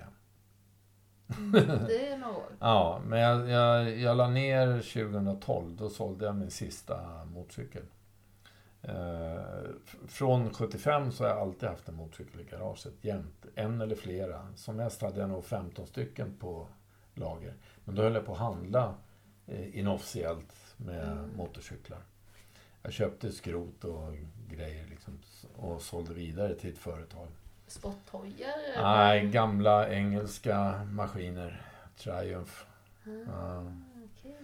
Så att, eh, så att det, det, var, det var så pass att eh, han, tyckte att du är min bästa kund. Liksom. Kan du inte öppna en filial? Liksom? Nej, men det vill jag inte göra. Det blir för kontrollerat. Liksom. Det blir jobbigt. Mm. Då måste man hålla på med papper och skit. Regler och sånt Ja, regler och jävelskap liksom. Usch, Mm. jag är inte bra på sånt. Nej, de är nej. tråkiga. Ja, det, det är så här ångestframkallande för mig. Liksom. Det är asjobbigt. Ja. Jag förstår inte det där fikonspråket som myndigheter har. Liksom, där. Det är jättekonstigt. Mm. De, de pratar i omvägar. Liksom. De är aldrig raka i sin kommunikation, tycker jag. Så att eh, inte... Det funkar inte för mig. Nej. Anyway, så, så jag har hållit på med det väldigt länge. Jag vet inte vad jag skulle komma till. Eh, jo, alltså det vi började med var ju det här att du var ute och körde som en galning i skogen. Ja, just det. Och sen så blev du återförsäljare för Triumph, säger man så? Triumph? Triumph. Triumph Triumph motorcyklar. Motorcycles, yeah. Och eh, där var vi. Ja, där var vi ja. Eh, Nej, det var, det var ju inkörsporten så att säga. Jag började med det. Eh, Och det var ju där jag fick lära mig liksom hur det funkar. För att för det första som hände det var ju att jag, motorn skar ju på den där hojen. Så att jag fick ju riva motorn och sätta ihop den igen och då skar den en gång till. jag hade gjort något fel. Och då ah. lämnade, jag- då lämnade jag in den till en kille och han förklarade för mig vad jag hade gjort för fel. Liksom. Det var ett klassiskt fel. Man bytte, eller man eh, satte oljeslangarna fel. Så istället för att mata med olja så sög den olja ur motorn. Liksom, så här. Bad idea. Ja, då går, ja, då går den torr liksom och så Mm. dör den. Så dör den. Nej, ja, då dör den. Så att, eh, här får man lära sig den hårda vägen där. Liksom. Men då har du bara dig själv att skylla med som du sa innan. Precis, där. och det är det som är grejen liksom. Och, och där, är, där har du ju lärandeprocessen liksom. Fan vad korkad jag är, hur fan kunde jag göra en sån miss? Obvious liksom. Och Mm. när, när jag då träffade en kille, eh, eh, när var det? Det var 70, var det 78 kanske. Eh, Sigge, som fortfarande är en väldigt god vän. Eh, som jag alltid hälsar på när jag åker förbi Stockholm. Eh, och som fortfarande håller på med Triumph motorcyklar. Han var nämligen återförsäljaren sen. Ja, Den riktiga med papper. ja, visst, Ja. visst. Och sen, sen gick ju det företaget omkull av olika anledningar. Men han håller fortfarande på med de här gamla motorcyklarna, mer eller mindre. Mm. Eh, jäkligt kul. Men eh, hur som helst, jag, jag har ju kört allting. Jag, jag tog förarlicens i roadracing. Eh, vilket jag inte tyckte var riktigt kul. Eh, För långsamt. Nej, det, jag tyckte det gick för fort faktiskt. Oj. ja, det, jag tyckte det, var, det, det, kändes inte, det kändes inte rätt. Det var inte min grej. Det var, det var boring liksom. Det var raksträcka hur långt som helst och så ska det vara kurva och sen eh, raksträcka. Och, det, var liksom, det hände ingenting på vägen tyckte jag på något vis. Liksom. Och så gick det alldeles för fort. Du, Ja. eh, vi måste pausa lite för jag har dålig batteri. Så vi, Är det så, sant? ja, så vi pausar där och sen sätter jag i nya batteri. Ja, eller också så kopplar du på strömkabeln. Ja, det kan man göra också. Ja, Så håll, håll du lite låda här. jag, så ska jag håller ställningen alltså. Rassla inte för mycket bara. Men frågan om man kan göra det? Kan man Ja. göra så här? Absolut. Det gick ju, men det är inte så här uppladdningsbara batterier. Nej, men du laddar inte... Det, det, du, Då, då går den bara på strömmen. Ja, den går bara på strömmen. Den laddar inte batterierna. Vilken tur att jag Ja, har, att jag har så. dig här. Och fler, ju, dels för att göra en podcast med då, och som kan hjälpa mig när jag blir lite... Ja men det, alltså egentligen så Ja. blir det inte så svårt, men det är mycket lättare när man är två så man har någon och... Precis, Ifall boll, man- bolla Ja, med. Liksom. är Ja. liksom, jag tror att det fungerar men jag är ju inte hundra. Och då Nej, har jag dig här och så kan du säga, men det tror jag Men, också. men jag, det kan ju vara så att jag far med osanning. För och att det gör jag, absolut inget. Nej, alltså inte det. För exploderar det här, då är det på grund av att batterierna laddas också. Men jag tror inte att de gör det. Nej, Eh, jag tror inte det heller. nej, utan jag tror att det, det är direkt ström. Liksom, Eller batterier. Det är de två alternativen. För min, jag har en äldre modell utav den här uh, zoomen då, som du spelar in på. Och där funkar det så. Där är det bara att stoppa i pluggen liksom. Ja, Mm. men då, då kör vi på det. Jajamän. Ja. Så, då Nej, har så- vi etablerat det här. Nej, så det var det roadracing och sen eh, la jag ner det eh, och började köra cross och enduro och sånt där. Eh, får, väl, får väl lägga till innan allt det här. Det, det var ju det, det var ju så här, vi, vi körde ju på, på stan. Stockholms stad liksom. Och vi körde som riktiga jävla dårar. Alltså. Det här var ungdomligt oförstånd, verkligen. Jag var, eh, hur gammal var jag då? 22. Det var 1979. 1979. Mm. Jajamän, det är ett par dagar sedan. Ja, tio år innan jag föddes. Ja, är du gammal jag är. Nej, du, du har, eh, vad säger man, du har erfarenhet. Ja, det har jag. Mm. En, en väldig massa, både bra och dåligt. Ja, Och det, då kom vi till en dålig. ja, men som blev till en bra. Eh, när vi hade ju race, så att säga, mer eller mindre från Sveavägen till eh, McDonalds Sveavägen till eh, Allmänna Gränd, där Gröna Lund ligger. Mm. Eh, och det gick ju Jag vet inte vad Svea men det är långt Ja, eller? är det, någon, ja, det, är, det, är, inte- det är inte så himla långt. Det är några kilometer, men det går Mm. genom, genom stan. Ja. Ver, verkligen centrala city. Liksom. Och det kördes, liksom, det var ju bara eh, fel sida vägen, trottoarer, you name it. Vi skulle fram. Ja, Det var race. Det var race, ja. Ja, helt jävla Krig galet. och kärlek helt, och ja, race finns helt det inga sjukt, regler. Alltså. Mm. Jag vet en polare, han, han, eh, han hade nog hastighetsrekordet på, på Strandvägen. Han hade kommit upp i 160 enligt vad han själv sa. Liksom. Sen om, om det stämmer, det vet jag inte. Men det är ju helt galet. Det är helt sjuka Ah. Grejer. Liksom. Det är ingenting att liksom. vara stolt ut, eh, av, utan det är ju bara jävligt korkat. Liksom. Men ni hade ganska roligt. Vi hade förbannat roligt, Ja. liksom, men det hände ju saker på vägen. Det, det Ja. kraschades till höger och vänster. Och, eh, allting fick ett slut när jag och min kompis kraschade. Mhm.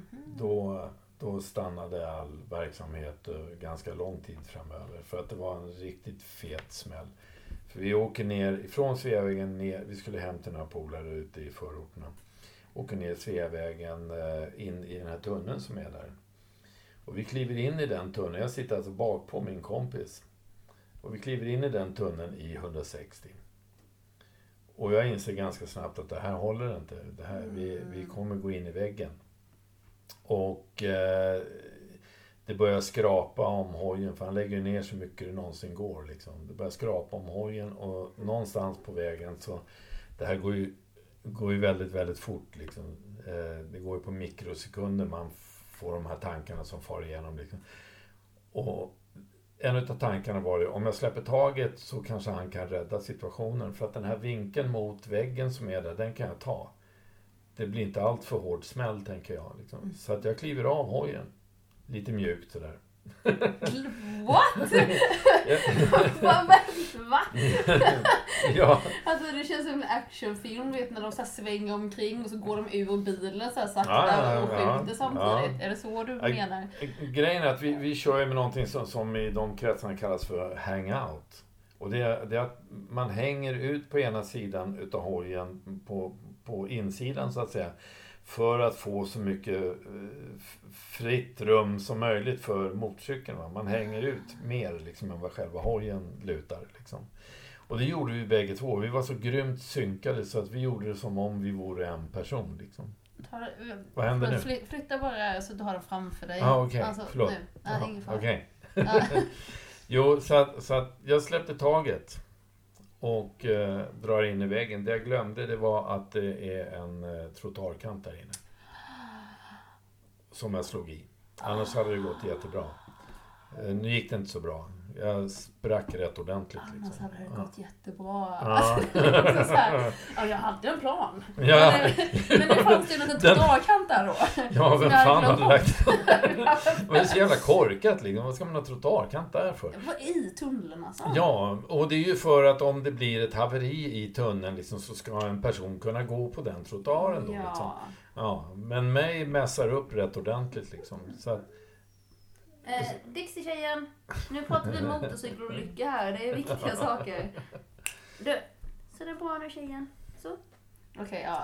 Och du, du blev lite förstörd? ja, ja, det var ju- Jag var, hamnade på akuten och det var väl en hårsmån ifrån eh, att jag inte skulle greja det liksom. För jag, jag var, kommer ihåg, eh, jag kommer ihåg eh, på natten så vaknade jag av att det var eh, värsta pådraget. Liksom. Jag hörde larmet gick liksom, Mhm. och, och det sprang kring läkare och syrror och allt möjligt. Och så var det en syrra som böjde sig över mig och sa det är lugnt, det är ingen fara, vi fixar det här. Och det var precis då som jag förstod att det handlade om mig. och då, då bara garvade jag åt henne för att jag trodde att du ljuger som Ah. fan. Liksom. Och då, då var säker på att jag skulle aldrig vakna upp något mer utan jag bara försvann in i dimman. Liksom. Och du var säker på det? Jag var säker på det. Så att det, det, var, det var liksom, jag hann, jag hann komma så långt att det var bara total acceptans. Okej, det var... Jag hade inte räknat med att bli så mycket äldre ändå. Liksom. Mm. Så att okej, Okej. hej då världen. Liksom. Ja. Det var, det var, och det var jättelugnt. Även om det var kaos runt omkring mig så var det jättelugn eh, situation i mig. Ja. Liksom, så här. Mycket märklig upplevelse. Var det för att du kände att du var nöjd med livet? Eller hur? Nej, jag, jag, jag kan nog inte svara på det. Utan jag bara kände liksom eh, acceptans. Ja. Jag köper det. Det är okej. Ja, det var bästa reaktionen. Ja, jag Eller? tror det. Det var, det var bara... Eller kämpa för sitt jag- liv, eller det är väl Jag kunde ju inte kämpa mer än jag hade gjort så att säga. Det, Nej. det fanns inget mer att ta av. Mm. liksom, det var, jag var ju utlämnad till de som jobbar med mig så att säga. Mm. Men shit, då är Ja. det väl bästa reaktionen. Ja. Mm. Eh, och så att de grejer ju uppenbarligen livhanken på mig. Sitta här ja. Ja. Ja. Och eh, eh, jag slapp att bli invalid eh, också, vilket var ett möjligt scenario. För att jag har ju fortfarande problem då, då med ryggen fick ju ta en stor del av smällen, ländryggen. Mm. Så kotan längst ner mot bäckenet, L5, den sitter fastfrusen i felställning så att säga, på grund utav det traumat. Och det gör att ryggen kompenserar hela tiden. Så mina morgnar brukar inte vara sådär jätteroliga. Liksom, utan då är det uppvärmning. Och en bra grej med det är och dansa lite, typ salsa och så här, vicka på höfterna och få det att släppa. Liksom, och så köra stretching och lite sådana här saker. Jag har mina knep. Ja. Så att eh, jag är ändå glad att, eh, att det har funkat så bra som det har gjort. För att det är ju först nu när jag är så här pass gammal som, som eh, det börjar bli problem. Liksom. Mm. Så att jag har ju kunnat eh, köra sopor och jag, jag har hållit på med eh, mycket idrott eh, under en period. Både triathlon och thaiboxning och sådana saker. Sådana enkla sporter. Sådana enkla sporter. Ja, ja, du, du, du gillar när liksom sånt som tar det lugnt och sådär. Ja, precis. Ja. Men hur, hur funkar det? Alltså hjälper det med massage då? Eller är det bara träning? Ja. Nej, det, det hjälper med massage och det, det är jätteintressanta grejer som är jag, jag har ju gått på olika behandlingar och sånt där. Akupunktur vet jag hjälper. Eh, jag har gått på dans, för jag vet att dans är, är jättebra för, för eh, både, både bäcken och ländrygg och allt sånt där. småmuskler och sånt liksom. Och det har faktiskt hänt lite märkliga saker eh, på dans. Och då kan jag säga att det, det är inte vilken dans som helst, utan någonting som heter biodansa. Mhm. Eh, och eh, vad kallar de det för? Det, jag kan inte förklara det riktigt annat än att det är möte med sig själv genom andra. Mycket intressant. Ja, det låter jättespännande. Ja, det, det är superspännande. Det är fantastiskt faktiskt. Men på en sån session liksom, så, så eh, hade jag hade haft ont i ryggen, väldigt ont i ryggen under en längre tid. Och helt plötsligt så känner jag bara att det bara löses upp. Det känns som ungefär lite sockerdricka så här och så, blablabla, så bara försvinner all smärta. Eh, och som jag upplevde det så är det den, den rent fysiska problematiken finns ju där. Mm. Den strukturella pro- problemet, liksom, det ligger ju där. Det ser fortfarande likadant ut. Så att min upplevelse var att det här var någonting annat. Det är själva energi, energin, smärtan, energismärtan som försvann. Okej. Ja, så att eh, ja, det var jätteintressant. Liksom. Ja, det är så, alltså för mig då, eller andra också tänker jag, förstår ju inte riktigt eh, eh, energi, kan du, går det att förklara mer? Jag vet inte om man kan förklara det mer tydligt. Det, eh, det var min upplevelse i alla fall, att det Ja. var ingenting som förändrats egentligen rent fysiskt. Mhm. Utan det strukturella problemet finns ju fortfarande Okej. där. Det, det känns likadant i ryggen. Eh, Men själva smärtan bara bubblade bort. Det bara, Spännande. bara försvann. Liksom. Utan att jag kan påvisa någon, någon förändring liksom, i det fysiska. Så att det är jätteintressant Mm. faktiskt. Men det hänger ju också ihop med lite det som jag också har jobbat med bland annat. Eh, Jag är ju utbildad kinesiolog. jag var tvungen, för vi snackade lite om det här sist ju. Googlar du? Jag googlade igår kväll, så googlade jag. Ah, okej. Shit, vad jättespännande. För det, Det verkar ruskigt spännande. Rus- ja. Alltså, jag, och då måste jag, jag måste fråga dig en Ja. grej också, på tal om det här. För jag, jag tyckte ju, det här som jag läste om, det lät ju superintressant. Och sen så kom jag ju till att det, att det var många kiropraktorer som hade lite snott eh, läran från det här Mm. kinesologi. Mm. Kinesiologi. Och, ja. eh, vad tycker du om kiropraktorer? Ja, jag tycker bra om kir- Ja, kiropraktorer. ja, ja, jag alltså, hyser det- inget agg mot det. Det kan, kanske men är jag- bättre att jag förklarar mig först Mm. innan jag Ja, ställer jag tror- den här... Ja, eh, men jag tror jag vet vad du Ja. menar. Och, och du tänker på själva metodiken. Ja, och det har ju varit Eller? ganska kontroversiellt så här, att han som han som startade det här fick ju någon uppenbarelse, någon dröm hur kiroprakti skulle fungera. Mm, Och sen mm. så hans son död, eller de tror att han, han körde i alla fall, han blev påkörd och dog av Mm. hans son. Och hans son var värsta så här bluffmakaren, eh, ja. Och han, det var han som startade alla de här kiroprakti eh, skolorna då. Ah. Och det var den här bluffmakarsonen till Okej. den här människan. Så det har varit Det där är lite mer än vad jag vet. Ja, jag, vet jag- vet att det fanns en skiljelinje mellan kiropraktiken och naprapatin. Okej. Eh, ja. För att de var inte överens där riktigt. Eh, och nu vet jag inte vilket som är vilket, jag kommer inte ihåg det. Eh, men i huvudsak så, så går det ju ut på att manipulera kroppen på ett sånt sätt så att man återställer ursprungsläget. Sådär. Men I, vilket pratar vi om nu? Kiroprakti? ja, jag vet inte om naprapatin funkar väl likadant Okej. un, un, i stort. Liksom. Det är väl någon eh, metod som är lite mjukare än den andra. Men jag tror ändå att de är lite för brutala rätt ofta. Eh, Det är min egen uppfattning. Det behöver, Mm. Jag har ingenting som verifierar det, utan det är bara en feeling jag har. Ja. Eh, att, Eh, eftersom jag har själv gått hos kiropraktorer och sånt där och det problem som jag haft, det har kommit tillbaka efter en viss tid. Eh, jag, har, jag får för mig att det blir, i och med att man manipulerar ganska hårt och korrigerar eh, fellägen i, i rygg och sådana saker. Så blir det ju också en reaktion muskulärt att musklerna håller ihop och de kan krampa lite utav den lilla chocken som det blir att man manipulerar Mm. eh, kanske en kota så att den ligger rätt. Och det gör att den här muskeln kan dra tillbaka till fel läge igen. Liksom. Mm. Eh, det är min upplevelse. Ja. För att jag har, jag har känt det hända. Liksom. Eh, och så har jag varit hos eh, någonting som heter osteopat. Okej. Mycket märklig upplevelse. Mycket märklig. Alltså. Jättespännande.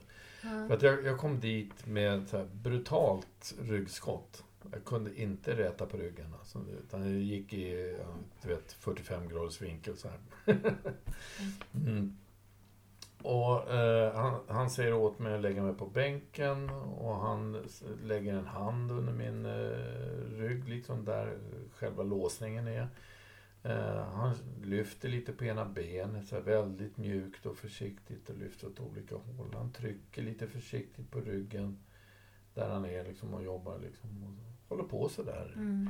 Och, och jag bara väntar ju på att han ska eh, börja jobba liksom. Och så säger han plötsligt sådär, sådär, nu tror jag att du kan räta på ryggen igen. What? och så säger han då, kan du, kan du ställa dig upp? Liksom? Ja, så ställer jag mig upp och, och jag tänkte, det här har jag inte gjort någonting. Så att, men det har det ju liksom. Jag kan ju räta på ryggen fullt ut igen. Liksom. Helt magiskt. Och jag hade aldrig någon upplevelse av att det gick tillbaka till någonting, något felläge igen. Utan det var, det var som det var. Mm. Det funkade liksom. Är jättespännande. Jättespännande verkligen. Har du gått tillbaka till en sån här igen? Eller? Nej, det har jag inte gjort. För jag, jag, jag borde väl göra det, men det är en rent ekonomisk grej. Det är en ganska dyr historia. Liksom.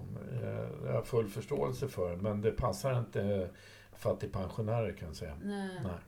Men, Så. eh, Jag vill ju höra mer om det här kinesologi för det är jag som, jag- måste bara berätta min Ja. jävla sidohistoria för annars kommer inte jag få ut det i huvudet. Nej. Eh, för, för då när jag läste om det här, hur säger man det? Kines, Kinesiologi. kines, Läran om rörelse. Ja, det har ingenting med kineser att göra. Nej, det Nej. fattade jag också igår. För det trodde jag ju först att det var något som Ja. kom från Kina eller någonting.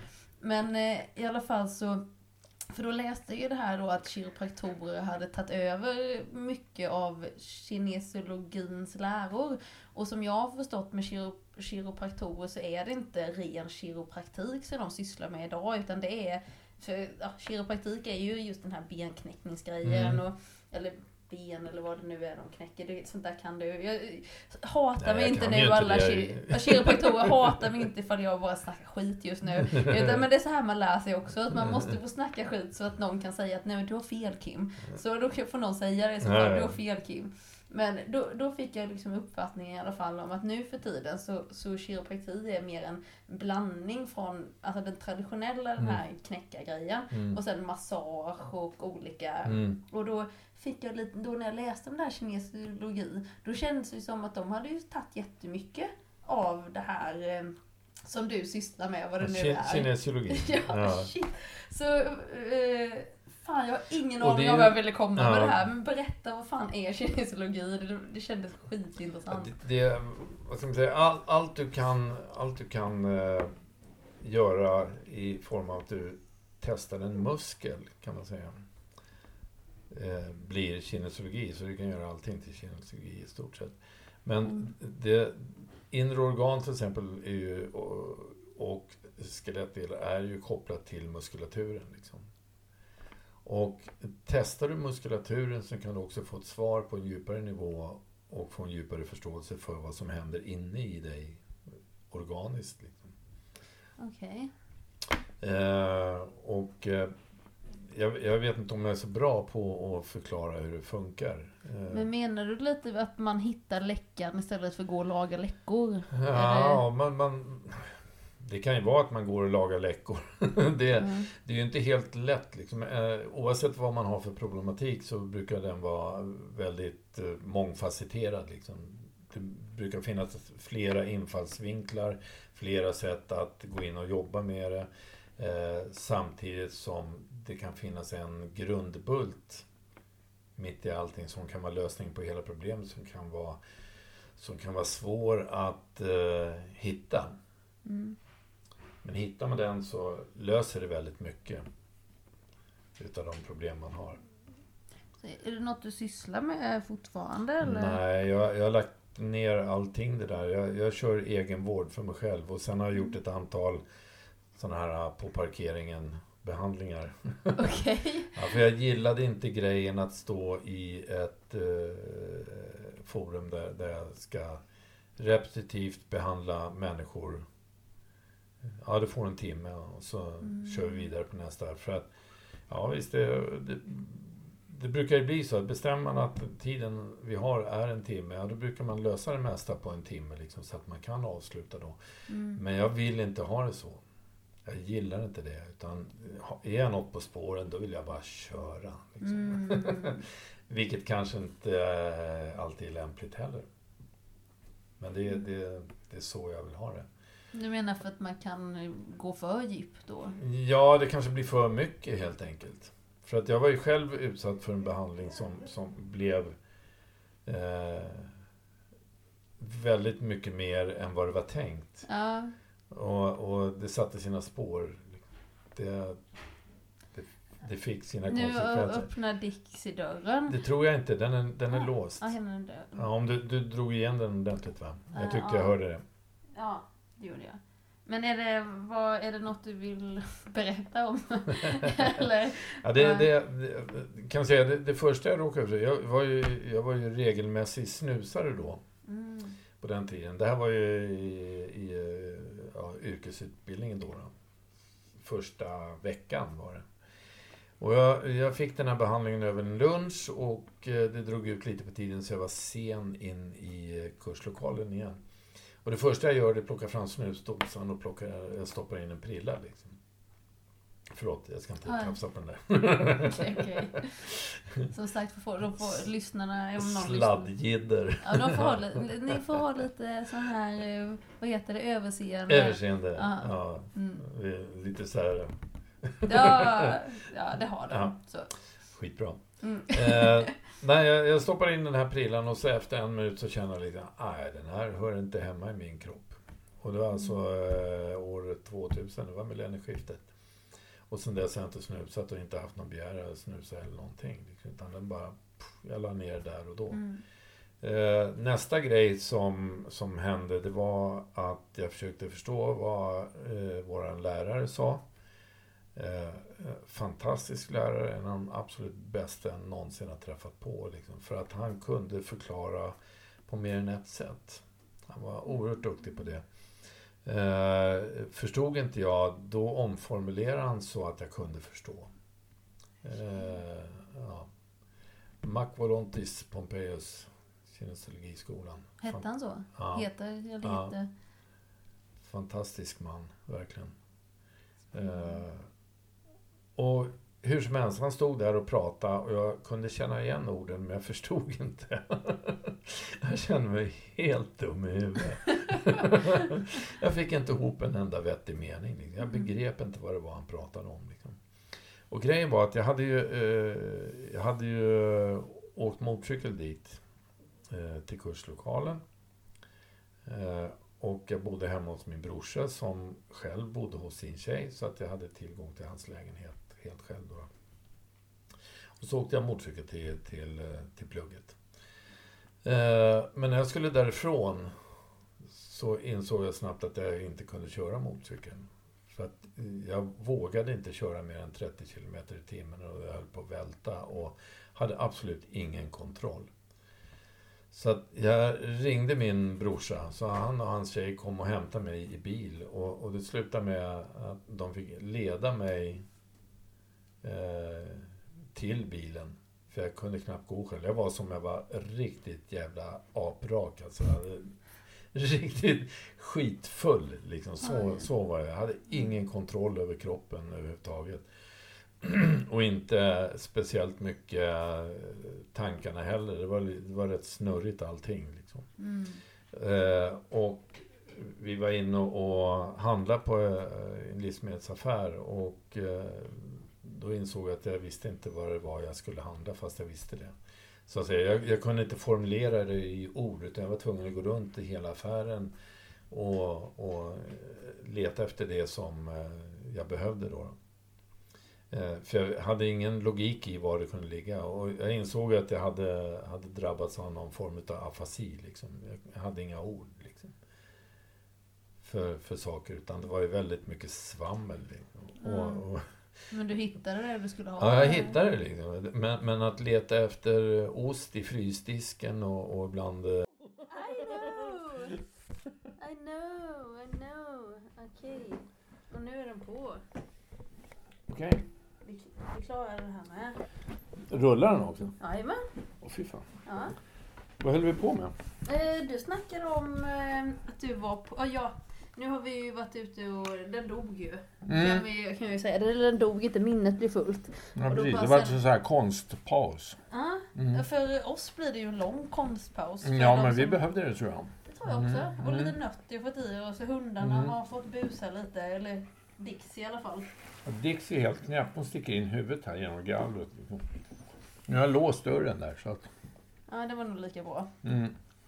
Jo, men där vi var innan minnet var slut var ju att du berättade att du var inne i affären och skulle du köpa eh, ost. Men du Ja. visste ju inte vad osten, eh, Mm. eh, ja, vad det var för någonting. Ja, det var helt knasigt. Mm. Men det är lite lustigt när det händer sådana här saker. Jag har varit med om många märkliga saker.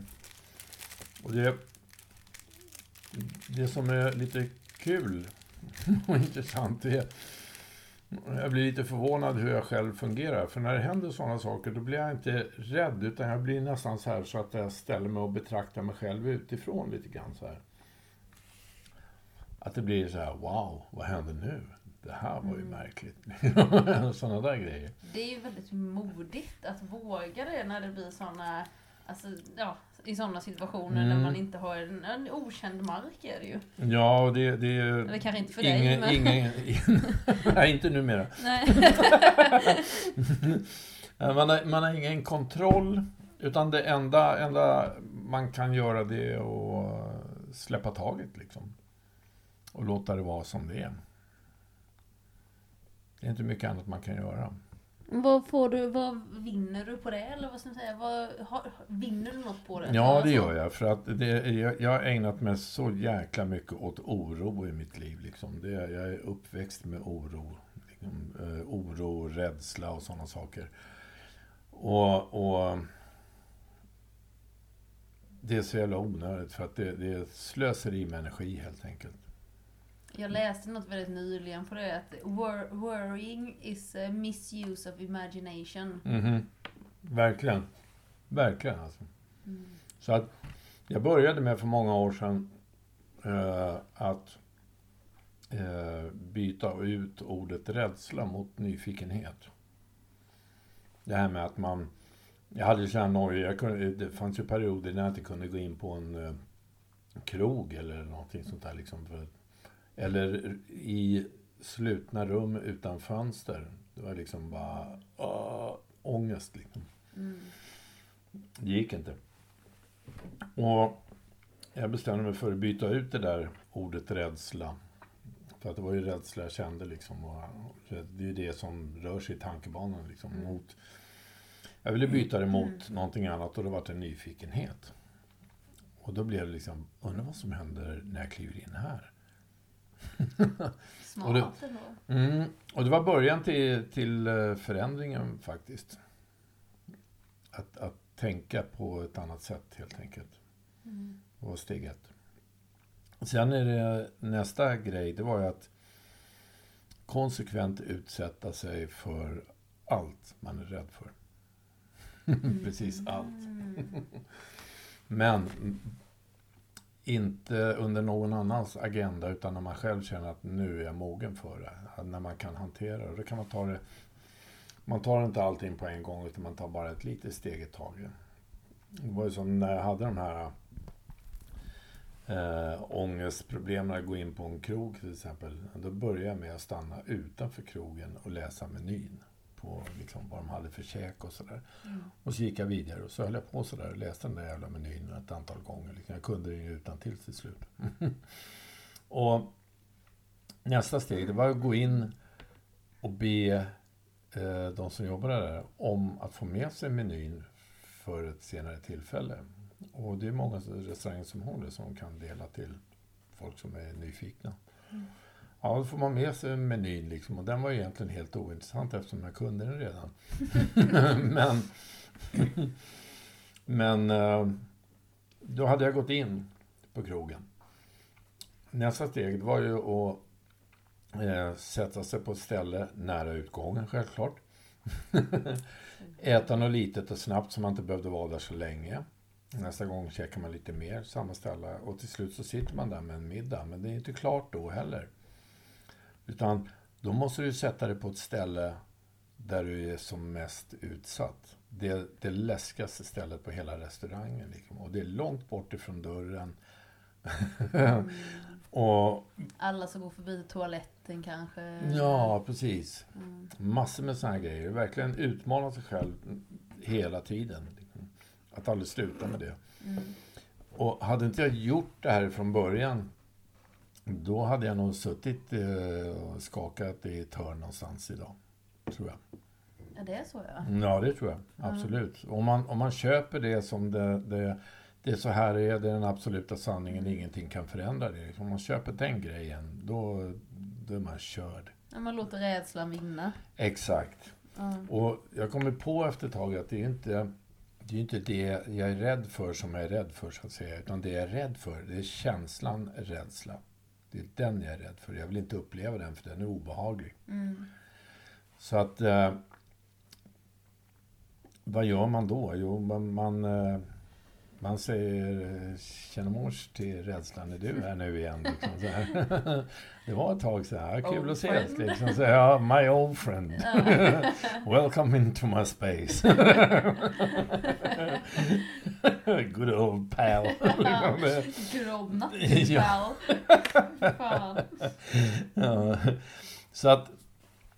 Eh, och en av de grejerna, nu kommer vi in på det, det, det är lite roligt. Eh, för en av de grejerna eh, var ju att stå ensam på en scen. Och spela till exempel. För jag, har alltid, eller inte alltid, men under flera år med jättemånga avbrott så har jag spelat hemma. Liksom Mm. spelat och sjungit lite grann. Liksom. Men det är ju ingenting som jag har känt att jag varit bekväm med att göra ute. Liksom. Och framförallt att inte stå på en scen. När man, liksom, det är ju ett så utsatt läge. Det sitter ett gäng människor och alla bara råstirrar på det. Vad fan glor ni på? Och sen är det- Ah, Kom igen, liksom. ge mig ett skynke. det finns mer att titta på här. ja, precis. Är, det, är jag den enda? ja, exakt. Så, att, så att man ställer ju sig i en situation som är väldigt utsatt. Liksom. Mm. Men jag började, jag började eh, utmana mig själv med den grejen. För att jag tyckte det var så läskigt. Och nästa steg på det, det var att jag började spela på radion, på en närradiostation. Och det är, det är ju livesändning och det är oförlåtligt. Liksom. All, alla misstag de hörs ju direkt ut i etern. Liksom. Så att det är ju nästa steg. Och under den processen, det var jättekul, första gången, det måste jag dra, första gången jag skulle spela i radion, eh, då kom jag igenom, då kom jag igenom halva låten tror jag. Sen vart det blankt. Det fanns ingenting. Jag hade ingen aning om vad jag skulle göra. Och det är typ en sån här stressgrej när det bara blir liksom minneslucka, total minneslucka. Mm. Så, så då ja men vänta, vi tar det därifrån igen. Och så försöker jag igen, liksom, Äh, det funkar inte. Äh, men hörni, jag skiter i det här. Och så tog jag fram en papperslapp i bakfickan och så började jag läsa någonting istället. Och det var så häftigt för att eh, jag vart aldrig stressad över det. Jag var bara lite irriterad liksom. Och sen de som satt på raden och jobbade, de sa bara wow. Det här var ju ultraprofessionellt. Liksom. Hur fan har du gjort? Liksom, har du gjort det här flera gånger? Nej, det är första gången. Så. What? Men du löste det så coolt. ja, jag löste det så coolt. Liksom. Så jag kan vara lite nöjd över mig själv att jag lyckades lösa det så coolt. Liksom. Ja. Så, eh, och sen- har det ju fortsatt med att jag, jag började spela med en kille som heter Jim då, som jag pratade om förut. Eh, och vi var runt eh, och spelade lite på krogar. Vi, vi spelade på yogastudios, meditationer och sånt där. Liksom. Det var ascoolt. Och vi, vi spelade faktiskt in en skiva, den har du ju hört. Vi måste våga tala om det. Hasses kompis. Ja, Hasses kompis på Spotify. På, ja, sök på Spotify, Hasses kompis. Ja, vi måste våga tala om det. Yes, Ja. jättebra låt. Eh, och vi, vi gjorde den eh, tillsammans med ett gäng ifrån eh, Fountain House som är ett världsomspännande klubbhus för människor med bakgrund av psykisk ohälsa. En plats som jag bara älskar. Det är fantastiskt att vara på. Liksom. Det, det är ett grymt ställe. Jättefina vänner där. Som var, ja, det är över ett år sedan jag såg dem allihopa. Men de är där. Via kontakt andra vägar. Tack sociala medier. ja. Vad- är Phantom House då? Ja, det är ju det är vad, vad jag sa, det är, det är ett klubbhus för människor med bakgrund av psykisk ligger det? ohälsa. Det ligger på Götgatan, nu ska vi se, är det 78 har jag för mig. Mitt uppe på Götgatan. Okej, Ja. Stockholm. Jajamän. Yes. Och, och det är bara att ringa dit och höra av sig dit så kan du få en guidad tur eh, med ja, visning liksom på hur, hur det ser ut där. Och vill du bli medlem så har du möjlighet att, att bli det också. Shit, Mm. vad häftigt. Det är jättehäftigt. Liksom. Det, det, det är en fantastiskt fin organisation. Liksom. Och det, de har ju då en radiokanal som heter Radio Total Normal. Som eh, den har lite kris just nu för att man har dragit in på anslagen och stöden. Liksom. Så att de försöker att ta en sändning i taget. Men det var där jag träffade Jim och det är där jag har eh, spelat då. då. Mm. Eh, jättehäftigt faktiskt. Och det är en radiokanal, en närradiokanal då, då 101,1. som har fått pris två gånger för bästa närradiostation. Eh, så det började där. Eh, men det jag skulle komma till, det är... eh, Innan, innan jag avbröt.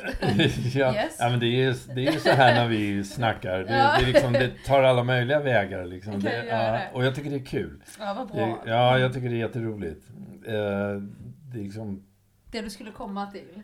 Jim och Jim. dina kompisar. Ja, jo. Ja, Yes. men vi, vi har varit ute och spelat och, och sådär. Och det som har hänt, jag berättade förut, det här läskiga grejen med att stå på scen. För mig var det så fullkomligt avdramatiserat. Så när de andra har rusat runt som yra höns och varit jättenervösa så har jag bara stått i min egen energi och varit helt jävla cool. Liksom, och tycker, okej, hur jobbigt var det här? liksom. Och, och det är en sån otrolig förändring liksom. Så att det går ju att övervinna såna här, eh, vad ska man säga, idéer, känslor. Eh, liksom, Hjärnspöken. hjärnspöken, väldigt mycket hjärnspöken liksom. Och jag är, jag är nog ganska bra på numera att inte oroa mig, att inte tänka på problem i allt för stor utsträckning. Om det inte är tekniska problem, då gillar jag att tänka på det liksom, och fundera liksom, hur jag ska lösa det. Mm. Och hur jag ska lösa det utan att det kostar något. det, det, den är intressant. Tillbaka där också. Då är tillbaka där, ja precis. Men du får ju också berätta, förlåt om du tänkte säga något mer, men du måste ju berätta, för du berättade historien om Hasses kompis till mig. Eh, Mm. Den, eh, eller vi måste våga tala om det, det var ju också fantastiskt. Hur du träffade alla människorna som skulle vara med i den här låten. Ja, den, den... Jag tror att den var skriven på grund av att jag var där. Jo, men det, det, är, ju, det är ju så. Den, den är skriven för att jag var där på Fontänhuset och mötte alla dessa underbara människor. Eh, de inspirerade mig till att skriva Vi måste våga tala om det. Och eh, Jim eh, fick höra den här låten. Och han tyckte liksom, shit, det här är ju kanonlåt. Det här, det här är ju en, en, en låt som måste, liksom, vi måste göra en skiva. Jaha, säger jag. Liksom. tycker jag, ja, ja, kan vi väl göra, men hur fan ska det gå till? Nej, så han började prata med, eh, med eh, ledningen på Fountain House, på Radio Total Normal, som pratade vidare med sina sponsorer och sånt där. Så till slut så var det så att vi fick sponspengar att hyra en studio eh, genom eh, Medborgarskolan. Och vi hade, det här är mycket intressant. vi hade fyra tillfällen på oss att repa innan vi skulle sätta den här låten. Då, då. Och det var på tre timmar vardera.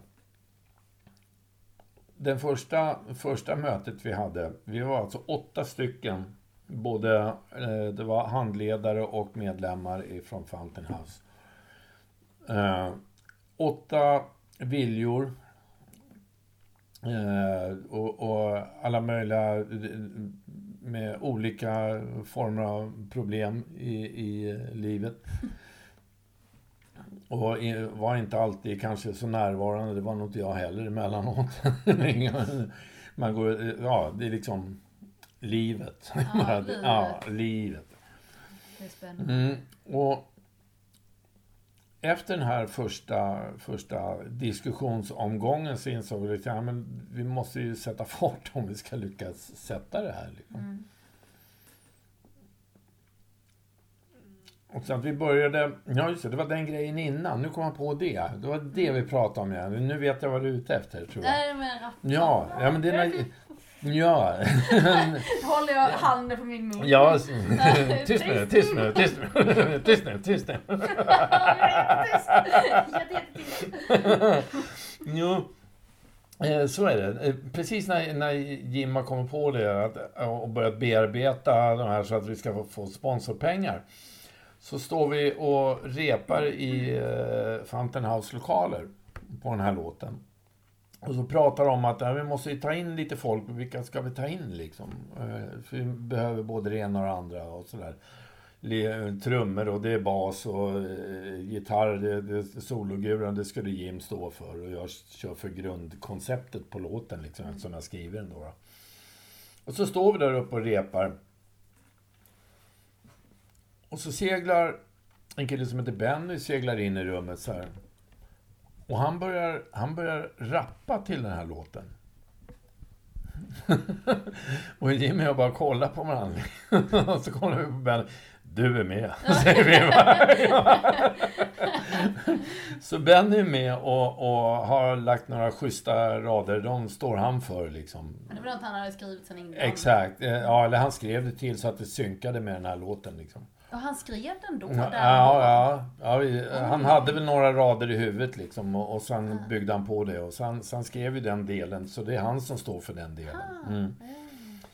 Och så började vi repa med Benny och det började synka liksom. Det var helt schysst liksom. Och sen finns det en del som var oklar, den skulle vara instrumental liksom på något sätt. Här. Ja, då kommer en tjej som heter Idam och så kliver hon in i det här rummet och, och lyssnar. Och när det är ingen som gör något annat än att bara spelar liksom ackorden, som, då börjar hon sjunga. Och hon sjunger ju opera bland annat.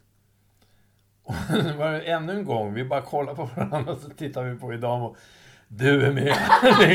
Ja. det, var, det var så fantastiskt. Alltså. Och eh, då la, la hon till sin del, så att säga. Så det var, det var oerhört kreativt på det sättet att jag är ju tjurskallig. Jag kunde inte ändra mitt koncept så att säga. Så här måste mina delar låta. Men ni är fria att komma med förslag. Och det där kom ju Benny in och där kom Idamo in. Och sen, sen kom det alla andra in också med, med idéer och sånt där. Så det, slutresultatet måste jag säga är helt fantastiskt med tanke på den korta tid vi hade på oss. Liksom. Ja, det Så- tycker jag med. Ja, och, och det är fortfarande en låt som jag bara älskar att spela. Liksom. Och jag kommer ihåg ett tillfälle, den har den jag berättat för dig. Eh, vi spelade i, i, en, eh, i ett litet kapell. Det var, då var det bara jag, eh, Jim och Benny.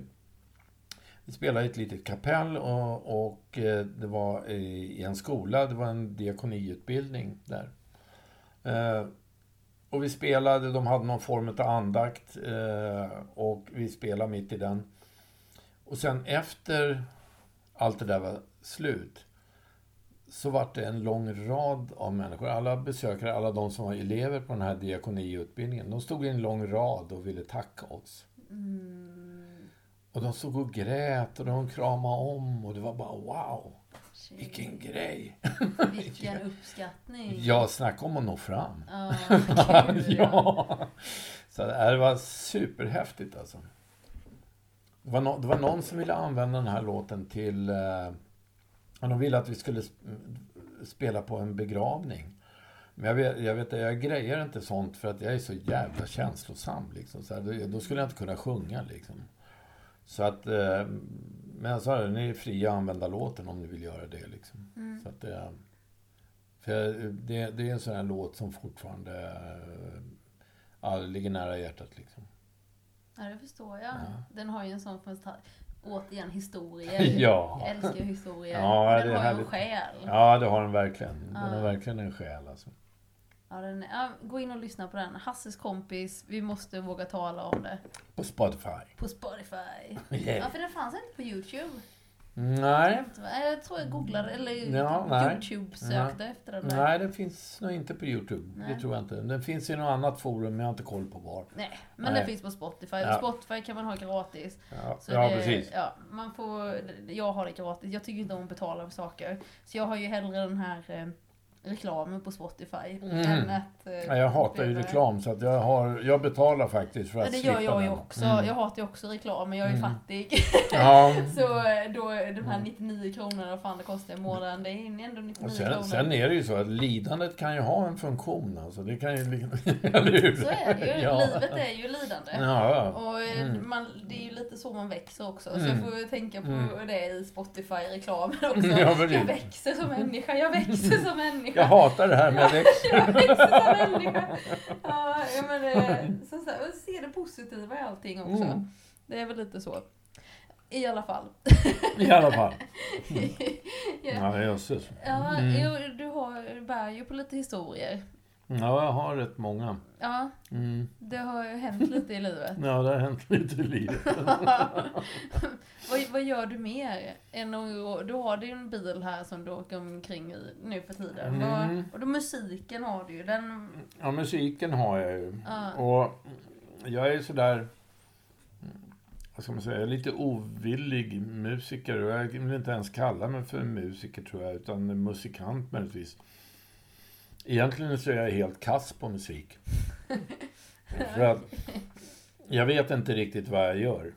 mm. Mm. Jag är så otålig så att jag orkar inte hålla på och träna och repa och greja. Eh, jag har, eh, jag har ett eh, ja, problem med mina händer framförallt. Ackordshanden, vänsterhanden. Den är trög och den är långsam och jag har så här, eh, jag vet inte, den funkar rätt dåligt. Så jag kör ju bara enkla basic ackord liksom, så enkelt som möjligt. Mm. Så min enda, min enda tillgång eh, som jag har, det är att jag själv tycker att jag skriver förbannat bra texter.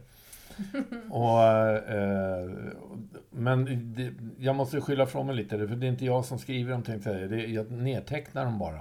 Utan de kommer eh, intravenöst, höll jag på att säga. Ja, men de, de landar... De, de, de landar i mig på något vis liksom, och de bara nedtecknas. Så det, det, det som jag har en, en låt nu, ligger på Youtube, liksom, som jag egentligen inte har kollat texten på vad den betyder. Jag har börjat att titta på den nu. Liksom, och jag tror jag börjar bli klar över vad den handlar om. Okej. Men det är jätteofta det är så.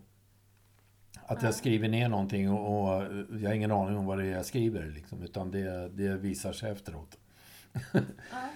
Eh, och min andra tillgång det är att jag har en, en jävligt bra röst också. Har jag förstått. Mm, får- Men skro, skro, vad säger man? Skrovlig? Nej. Skrovlig. Ja, det, Ja, Nej, och mycket power. De, de var lite rädda för att jag skulle spräcka PA, till liksom så här, förstärkaranläggningen när jag började gorma. Liksom. Så att jag har en jävla volym också. Okej. Det fick jag alltid själv för som, som grabb. Liksom. För Att jag lät mycket. Mm. Så att... Eh, men eh, det, det är väl det som mina tillgångar, så att säga. Ja, du har ju ett par stycken då. Ja, det, det får duga. Och, och sen det, liksom det, musik är, det är ett uttrycksmedel och det är mycket glädje i det. Och eh, varför stoppa sig bara för man är kass musiker, tänkte jag Det säga. är det ju uppenbarligen inte, för du har ju lyckats få ihop ganska bra låtar. Ja. Så uppenbarligen så är det ju inte så kass. Ja, men det, jag, jag kan ju inget om man säger så. Nej. Nej jag, har, jag har inga musikaliska kunskaper liksom. Jag, jag kan namnet på grundackorden men sen är jag körd. Mm. ja. Så att... Eh, Men du har ju inte rädslan, du gör det ändå. Ja, jag gör det ändå. Och, och det, det är det här behovet av att vara kreativ. Liksom. Men det, det jag mest håller på med, tror jag, det är fotografi och det är att skriva. Det är det jag gör mest. Ja, för det är ju också någonting ifall man går in och följer dig lite i din eh, Red Mm. Wreck-resa. Så är, är du ju fruktansvärt duktig, eller fruktansvärt, det är så konstigt att säga fruktansvärt. Du är ju en otroligt duktig historieberättare. Tack! Jätte, alltså du, Tack. du får ju en, som vi snackade om sist här, du har ju en melodi i dina Ja. berättelser. Och de är ganska korta. De är men ganska du korta. får med Mm. liksom alla de här aspekterna. Och man får känslan vad du kände och vad Mm. du... En jätteduktig historieberättare. det, är ju den, det är ju den grejen jag söker hela tiden egentligen, där melodin, rytmen. Mm. Liksom. Det är i allting jag gör. Och det här lite vassa humorn också. Som, Ja. som inte den är inte liksom uppenbar humor fast det är ju humor Ja, liksom ja. mellan raderna och det är jätteroligt Ja, att det är läsa. jättekul. Nej, så att jag har, jag, eh, jag har ett, eh, någonting som, jag vet inte om man ska kalla det påbörjat projekt, men det, det har ju en, en vän sedan många, många år tillbaka. eh, Och eh, hon och jag har pratat om att skriva en bok tillsammans. Så att vi ska ha ett, eh, ett meeting när jag åker norrut igen. Eh, Så på vägen ska jag stanna till och så ska vi ha ett meeting och snacka kring det där och se vad vi kan göra. Så att eh, hon får stå för de eh, tekniska delarna och medicinska delarna. Hon har ME och, och det är det hon vill berätta om. Eh, M, eh, så, det är en kronisk trötthetssyndrom kan man säga. så ME? Mm, Okej. om jag har förstått det rätt. Jag är inte Ja. så insatt liksom. Men det är hennes Mm. historia som ni ska skriva om? Det är hennes historia, ja. Mm. Mm. Så hon får stå för teknikaliteterna och jag står för, vad ska man säga, måla upp vardagsbilderna. Mm. Ah, just det. Som, Mm. vad är, det, är det det man kallar Berättardelen, för så att säga. spökskrivare? Eller vad är en Ja, det, spökskrivare för något? ja det, det kan man väl kalla spökskrivare. Ja, Jag har inte På ett fattat. Eller de också, här... nej, fast i det här fallet så blir det inte spökskrivare. Så Spökskrivare är att man skriver åt någon annan och, och inte berättar det, eller? Ah, är det, att är det man- så? Jag, det vet, jag vet inte, jag är inte helt klar över det. Inte jag heller. Är... Och, och det är nog inte riktigt fallet, utan det blir medförfattare i det här fallet, tror jag. Mer. Mm. Ja. Och det är också lite roligt, att, för att, för att eh, hon är väldigt förtjust i mitt sätt att skriva. Eh, och det är ganska kul, för att i skolan, då, då har man en massa skrivningar hit och dit. Och man ska skriva historier och man får uppgifter av olika slag. Och jag var klockren liksom hela biten när jag skulle skriva saker på svenska. Liksom. Så kom vi till grammatiken. Jag förstår absolut ingenting utav grammatik. Fullkomligt obegripligt för mig. Mm. Och jag vet inte vad man ska ha den till, ärligt talat. För, för tydligen så gör jag någonting rätt i alla fall. Ja. Men i vilken del är det... För jag tycker ju också att jag är dålig på grammatik, men jag tycker inte jag märker det. Alltså, Nu har jag ju inte läst sådär jättemycket av det som du har skrivit, men det som jag har läst Mm. så är ju inte det något som lyser igenom att du skulle vara dålig på grammatik. Eller du kanske har lärt dig sig också. Nej, Ja, jag vet inte. Jag har väl förståelse för det svenska språket helt enkelt. Eller det kanske är så att i och med att jag inte kan grammatik heller så fattar jag inte att, att din... Att det, kan... Det är mycket möjligt. Ja, du, jag du är- kan vara jävligt lurad alltså. Ja, men det kan vara så. För jag är ju också ganska kass på Mm. det där har jag ju upptäckt. Ja, men Så- jag har, jag- har vänner som, som är väldigt litterära och, och kan det där med grammatik. Mm. Och de tycker att jag skriver fantastiskt. Ja, de gör det, ja. ja. Ja.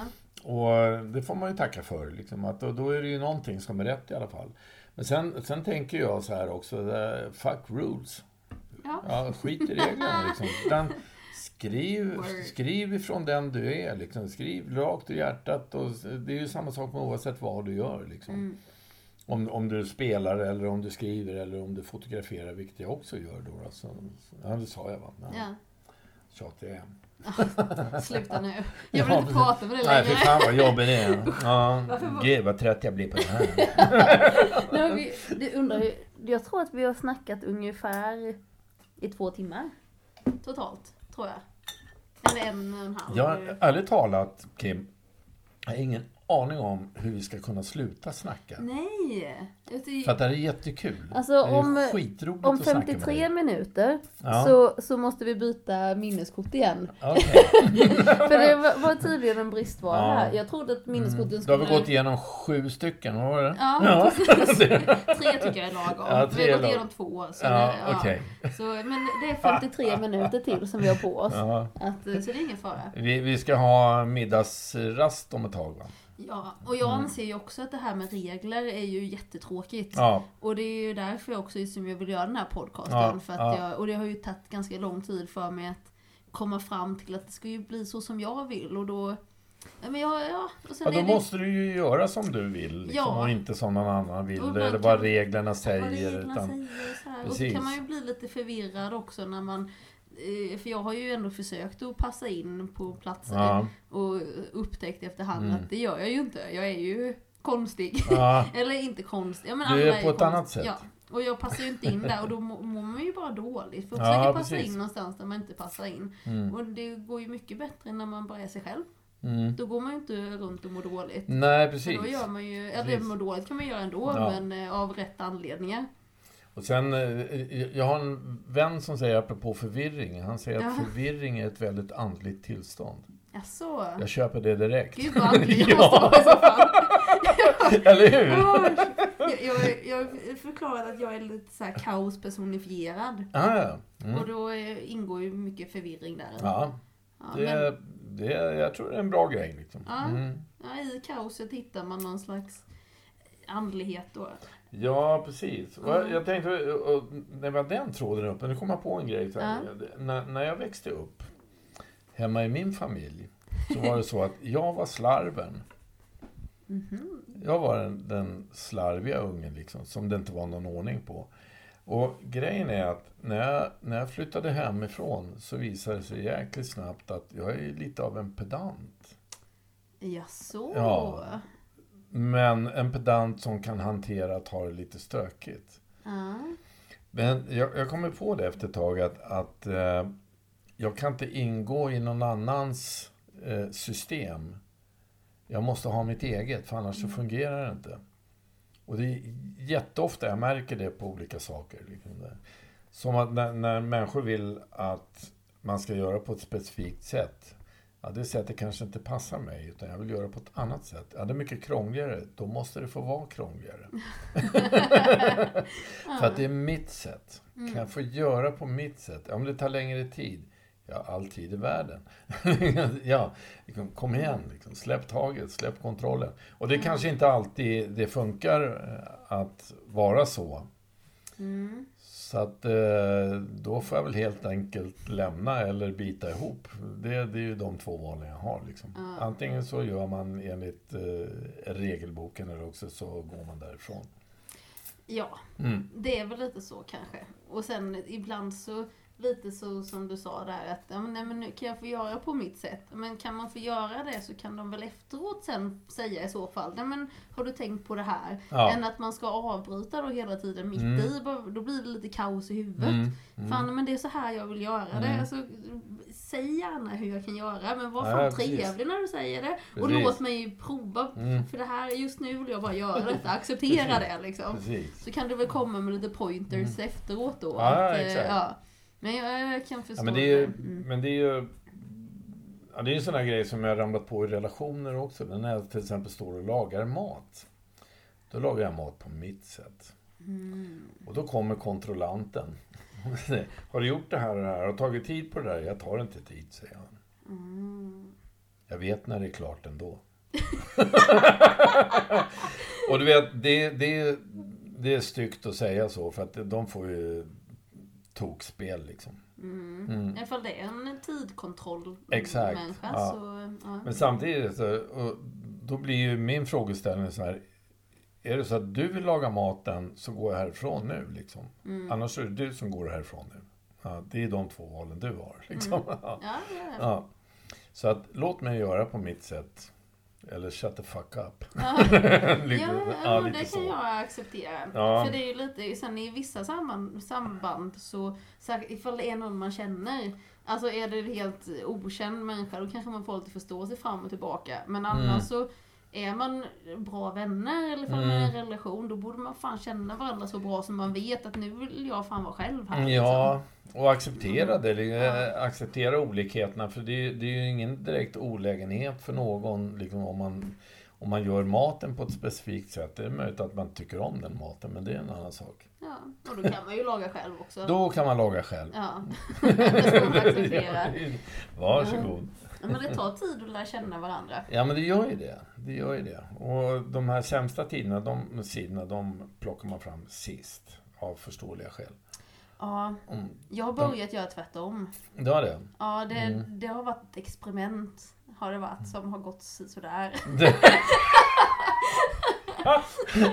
Men jag tror att det har gått hyfsat bra egentligen. Det är bara det att jag har eh, förstört det sen ändå, för det är jag duktig på. Okej. Men eh, jag, har, jag har liksom, när jag har träffat eh, nya personer, så har det blivit lite så här att nej men nu är det, det här är den jag är, för nu har jag kommit ändå så pass långt så att jag, Ja. jag, jag vet vad, vad det är för kaos här inne liksom. Ja, ja. Jag, jag vet hur det fungerar, det kan, jag gör inte allting rätt, Nej. men jag försöker liksom. Mm. Och då får man lite, och då har jag börjat med det här att fan, folk har fått se, inte alla människor, men särskilt när jag försökt att ha något slags kärleksrelation, då har det blivit så att det här är vad ni får. det här är vad som Take it finns. leave Ja, it. take it or leave it. Och det, Mm. ja men de har nog accepterat det, men sen Ja. har jag ju sagt hej då sen ändå. Ja, ja. Eh, Men fram tills jag har gjort det, så har det då, för då har jag fått se alla deras dåliga sidor också, Ja. på en gång. Mm. Och det var mycket trevligare än att det skulle bli en överraskning. ja. Men det är svårt Mm. alltså. Men jag tycker, det är, jag tycker det är en rätt schysst inställning ändå. För det- för jag har ju under åratal strävat efter att vara utåt som jag är inuti. Liksom. Mm. Jag, vill vara, jag vill vara clean, jag vill vara ren. Liksom. Jag, vill inte, jag vill inte ljuga, jag vill inte hålla på och jiddra. Utan det här är jag, liksom, rakt Mm. upp och ner. Det, det är också så här, det här är vad, det här är du får. Liksom. Ja, det, Ja, och det gillar här du är inte det... resterna som är kvar. Ja, ja, för mig är det så. Ja. Men du, du har ju framtiden för dig. Det har jag inte. Min, min framtid är ju bakom mig. Ja. Nej, det är Det det inte. det, det, är det inte förrän den är slut. Nej, faktiskt. Och det vet vi inte Eh, heller. nej, exakt. Nej, men det, det är ju... jag är halvförbrukad. Liksom.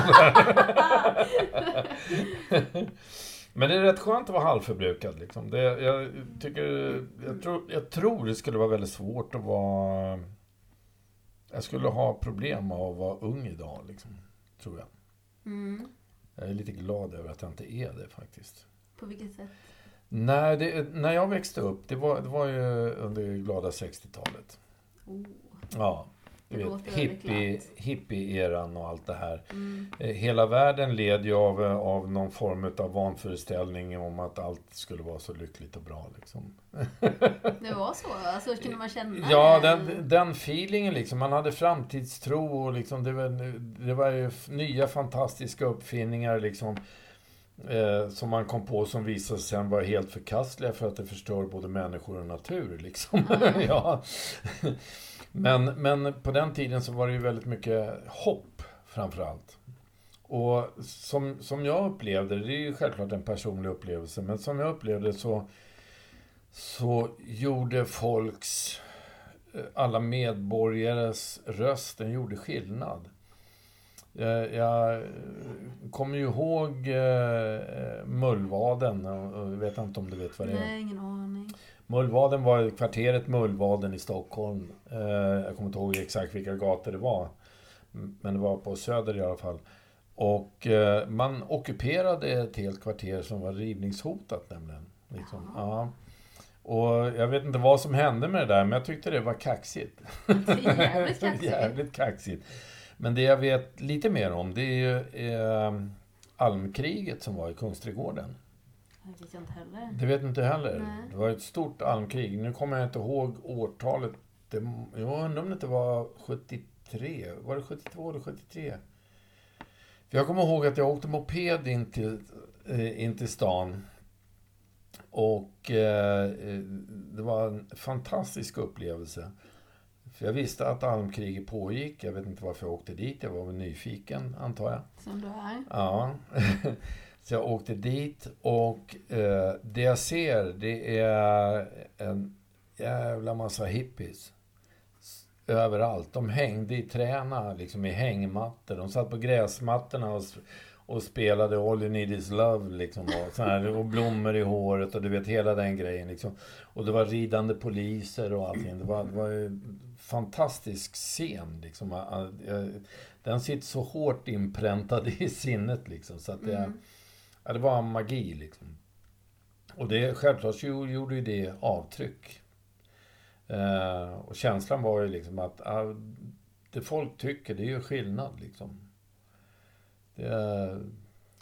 Ja, och så var det ju Vietnamkriget som pågick och allt det här liksom. Mm. Och, och USA ute i Vietnam och så här liksom. Men hur var det att vara med i, i dem? För det är ju något som min generation har ju bara sett liksom videoklipp Ja. eller liksom fotografier. Ja, ja, precis. Kanske någon, oj. Och du säger åt mig att jag ska vara tyst. Ja.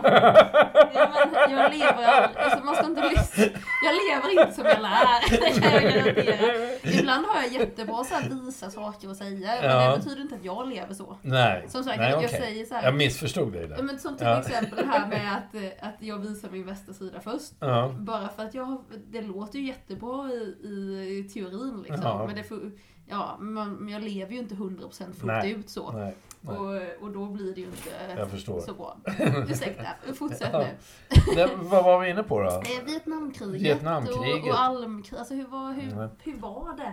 Ja men det var ju det. det, var, det var, ju- samtidigt så, så var man i en ålder som, där man tog väldigt mycket intryck av sin omvärld, liksom det som fanns. Jag menar, media såg ju lite annorlunda ut då. Det var ju inte, eh, det var ju inte en sån eh, snabb eh, nyhetsförmedling och den var framförallt inte det fanns inte på tio olika kanaler. Eh, jag menar, jag kommer ihåg när farsan bar in första svartvita TVn i vårt hem. Alltså. Och jag kommer ihåg första gången han bar in en färg-TV i hemmet och vi kollade på fotboll tillsammans. Inte för att jag var intresserad av fotboll utan bara för att kolla på den här svartvita TVn. Nej, färg-TVn var det. Och, och eh, jag kommer ihåg att då, då sprang ju de här eh, gubbarna över planen.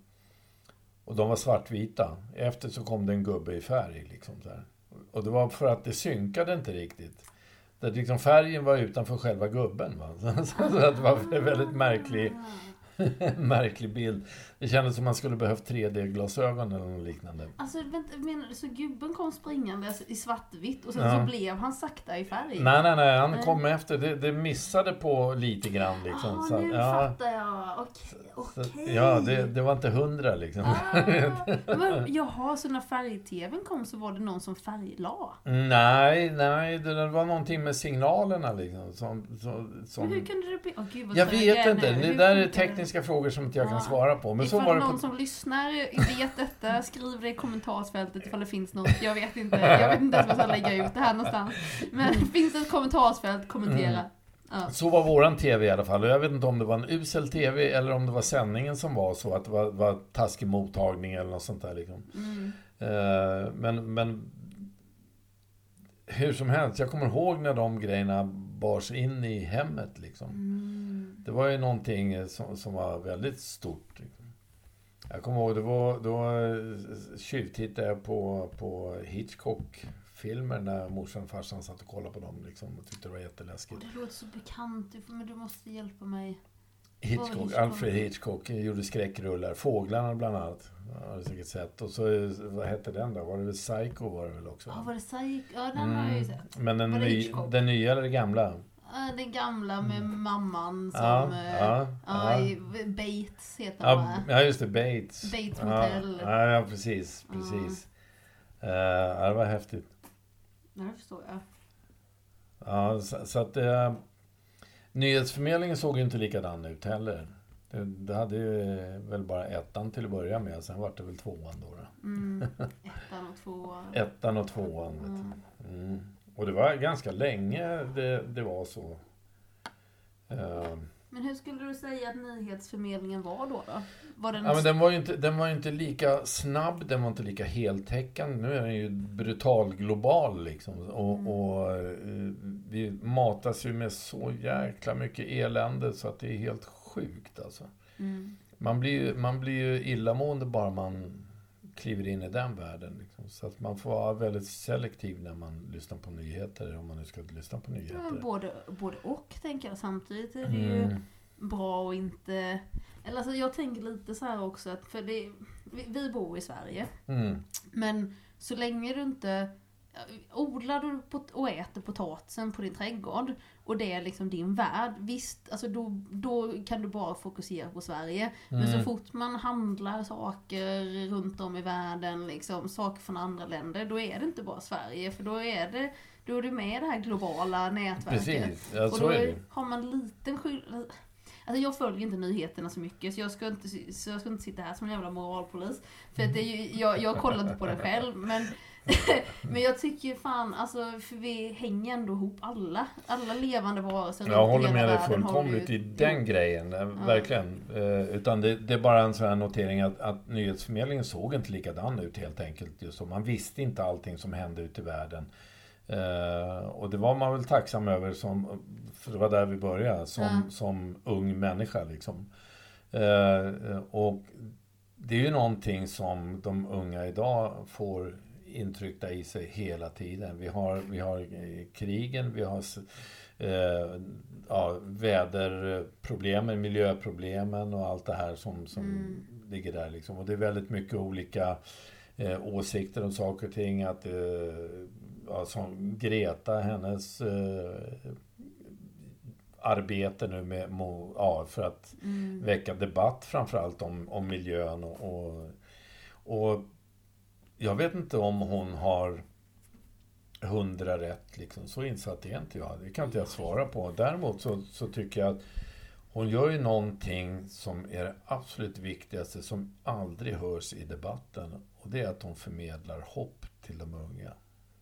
Ja, jag vet ju inte heller om hon gör det eller inte. För Nej, jag, men jag att det går så... att förändra saker. Ja. För att jag menar, titta vad, hon- vad hon har träffat. Hon har träffat världsledare liksom över hela, över hela världen. Liksom, talat i FN och allt sånt där. Liksom. Och än så länge så har vi inte märkt så mycket av det. Men vi är bara början av en jätteomställning som kommer säkert ha, jag vet inte hur många tiotals år, kanske hundra, inte vet jag. För att som jag ser det, eh, grunden till alla bekymmer som vi har idag, det är ju egentligen att vi har en för hög population. Mm. Och konsumtion, konsumtions- Konsumtionen därefter, liksom, och det är Ja. därför vi har de här industrierna, liksom, både hanteringen utav eh, våra grödor och våra djur och allting. Liksom, allting är ju industri idag. Liksom. Mm. Och det är ju fruktansvärt att se, tycker jag. Ja, det är ju total Ja. industri som du säger. För när jag växte upp så var det ju, då var det ju fortfarande eh, lokala bondgårdar lite här och där. Och liksom, jag, jag har ju varit rätt mycket på bondgårdar. Jag har till och med jobbat som dräng en kort period. Mhm. Och det, det är väl ganska få som har snart.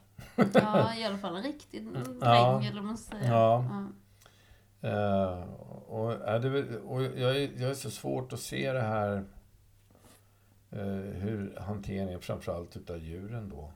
Jag har ju brottats med kalvar och vi, vi har haft en eh, gemenskap, de här kalvarna och jag. Liksom. Vi har Mm. brottats och, och de har stått där och muat och jag har garvat och så har vi varit på igen liksom och så brottats vi. De har tyckt det varit precis lika roligt som jag. Liksom. Ja. Ja.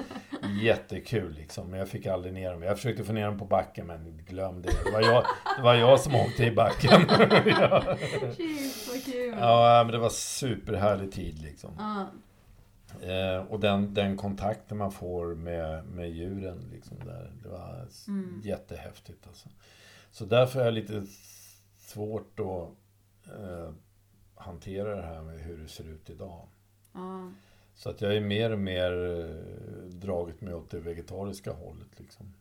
Alltså jag måste ju dra en, ett exempel här nu när, på tal om den där industrialiseringen. Mm. Jag var på Elmia lantbruk. Vad Mm. blir det? Ett år sedan. Ja i alla fall. Jag var där med farsan, farsan ställde ut. Eh, och i alla fall så har de en, en hall där som, för det var ja, nötkreaturs tema den här gången.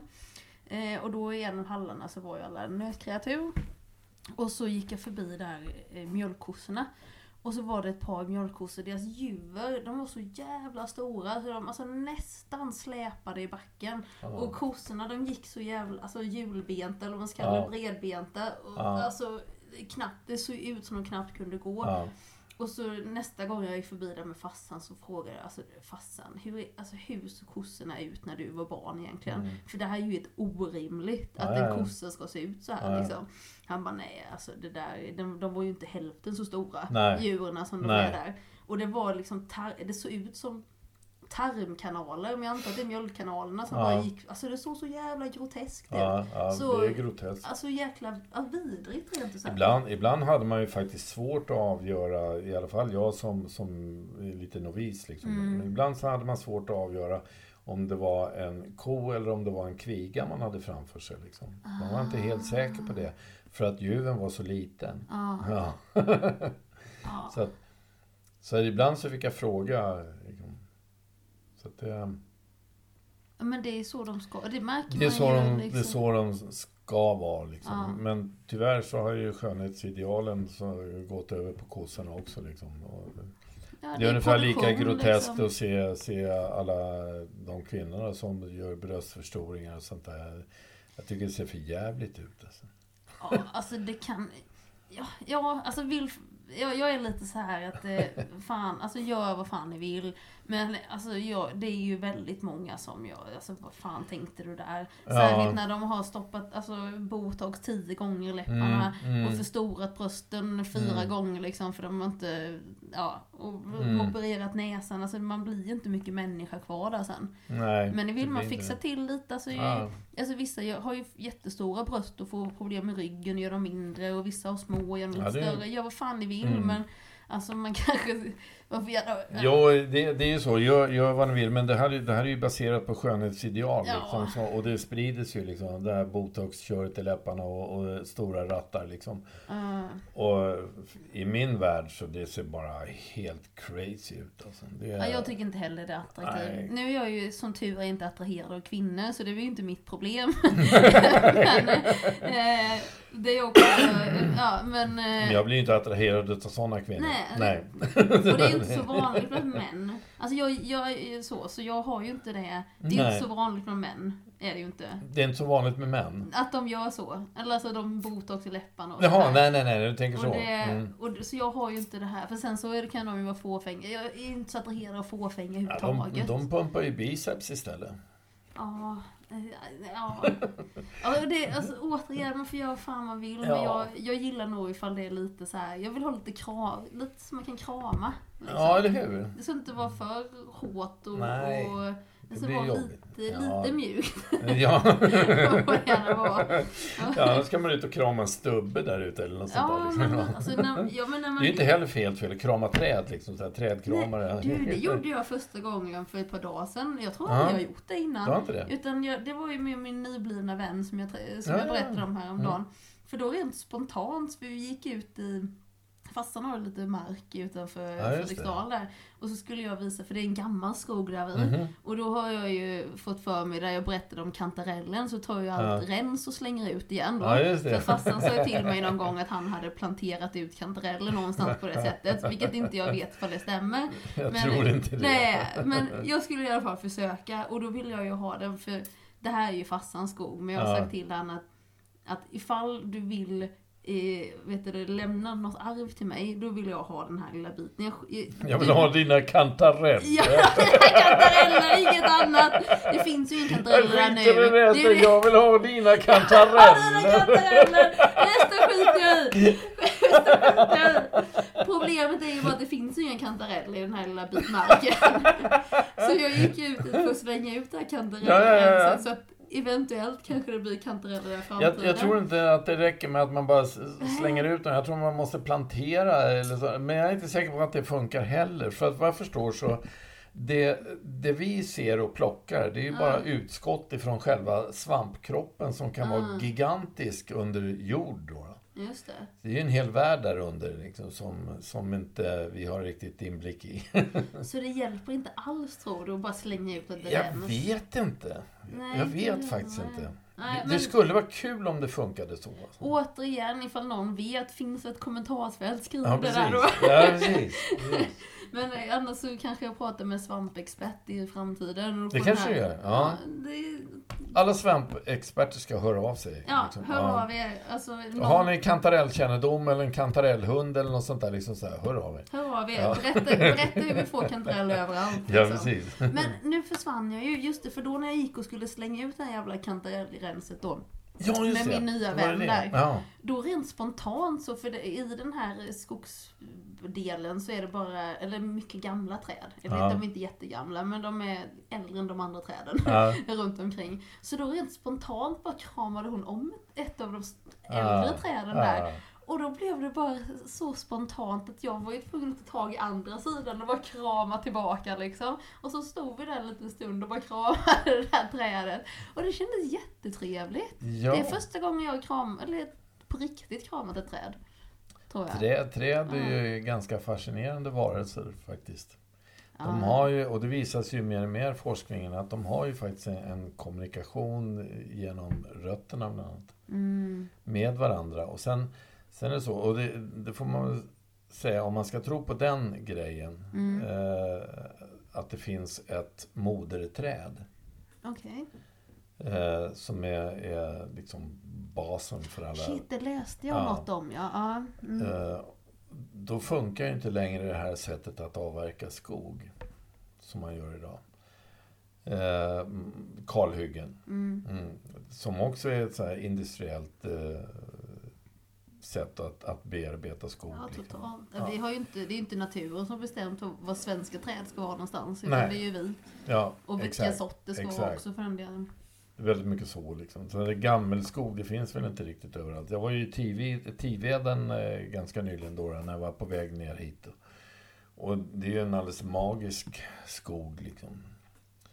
Så att det, den är ju... eh, Det är en urskog. mindre. Ja.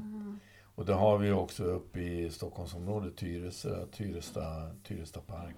Nat- Okej. Tyresta nationalpark. Det, liksom. det är också så här gammelskog liksom. Och det är häftigt. Men det är ju eh, det sättet som vi avverkar på. Liksom. Jag såg och pratade med en gubbe som, som, eh, som jobbade med det liksom. Eh, uppe i Jämtland. Och den här, bara den här gripklon som de du vet, rensar träden med. Och du, du, vet, du kvistar av dem och Mm. klyver dem och allting. Det är alltid ett. Samma Allt i ett. Mm. Ja, den väger mer än vad min bil där ute väger. Det är helt sjukt. Hela, hela det här ekipaget väger 30 ton.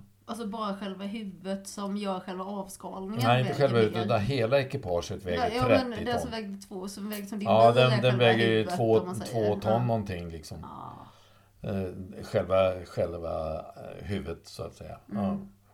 Och hela maskinen väger 30 ton. Och det säger sig självt att kör med 30 ton i skogen så trycker det ihop marken. Den pressar ihop marken liksom, så att det gör att det, det blir svårt för frön att slå rot och sådana saker. Det blir ju det blir ju effekter liksom, utav det. Mm.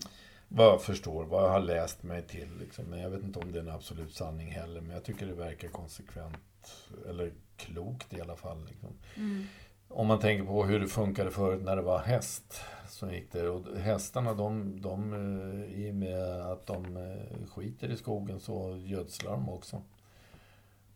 Så att käka gräs och det är fröer och allt möjligt sånt där som slår rot med hjälp av det. Liksom. Så att det var en Ja. helt annan påverkan. Liksom. Jo men det, ja, jag är Mm. helt med på din linje där. Jag har snackat mycket med, eller jag har varit inne i de här banorna lite och filosoferat. Så här, jag har lyssnat på några podcast och sen så, jag, i, så är det ju så att man gör ju sina egna slutsatser i huvudet och så snurrar det och så får man ju massa och jag har ju tänkt på det här, jag lyssnade på en, det finns egentligen bara en podcast som jag lyssnar på, det är Joe Rogans podcast. Så ifall någon inte vill lyssna på den här, som jag gör nu och vill ha ett bra tips, Joe Rogans podcast. Så dags att säga nu. Ja. Två timmar senare. Två Liksom. timmar senare. Ja men nu, nu är de ju redan hooked på det här. Ja, liksom. ja, ja, okej. Så, eh, Okej, kan jag- tänker så. Tipsa om en till. Ja, ja, okej. Ja, nej, jag, jag anser ju också att vill någon lyssna på, på mig och dig och de andra jag pratar med så lyssnar de. Vill man Ja. inte så finns det andra podcasts. Ja. Joe Rogans är ett exempel. Okej. och då hade han, eh, ja, då har han, dels haft eh, en eh, gäst som pratar mycket om Lost Civilizations. Mhm. Om eh, Graham Hancock är det en man som heter. Känner jag igen namnet? Ja, jättespännande. Han är journalist, författare Okej. och snackar mycket om, om eh, förlorade civilisationer då som har Okej. funnits längre än vad, typ, ah, inte Antarktis, vad heter den här som, den här legenden som är under Ja, havet? ja, ja. Eh, mm, Amazonas tänkte jag säga, men det är ju inte det Anaconda. jag, jag tar vad som kommer liksom. Ja, men du vet vilken jag menar. Mm. Det är ju, det är ju sån här legend. Ander, ja, vad heter det? Antarktis Han har också inte... snackat i och för sig om Amazonas, för nu, nu när de skövlar så mycket Amazonaskog så kommer det ju upp massa civilisationer som de inte visste fanns innan. exakt. Och i, i alla fall, Gamla byggnader och Ja, sådana saker. Massa Ja. sådana häftigt. Och sen så hade han en annan gäst i alla fall som pratade om, eh, eh, vad fan kallar de det för? Eh, hacking Darwin. Så det är ju vår nya evolution här nu då som vi har med Ah, den ja, ja. tekniska evolutionen. Ja, just det. Och då tyckte jag ju det var så himla spännande för dels då ifall man Ifall man lyssnar lite på den här nya tekniska evolutionen så snackar de ju om att man ska kunna ladda ner sitt medvetande på en, alltså i stort sett på en hårddisk liksom. Så att du ska kunna, ditt medvetande ska på något sätt kunna leva för alltid. Ja, Och ja. ifall man lyssnar lite Kan man kränga det också?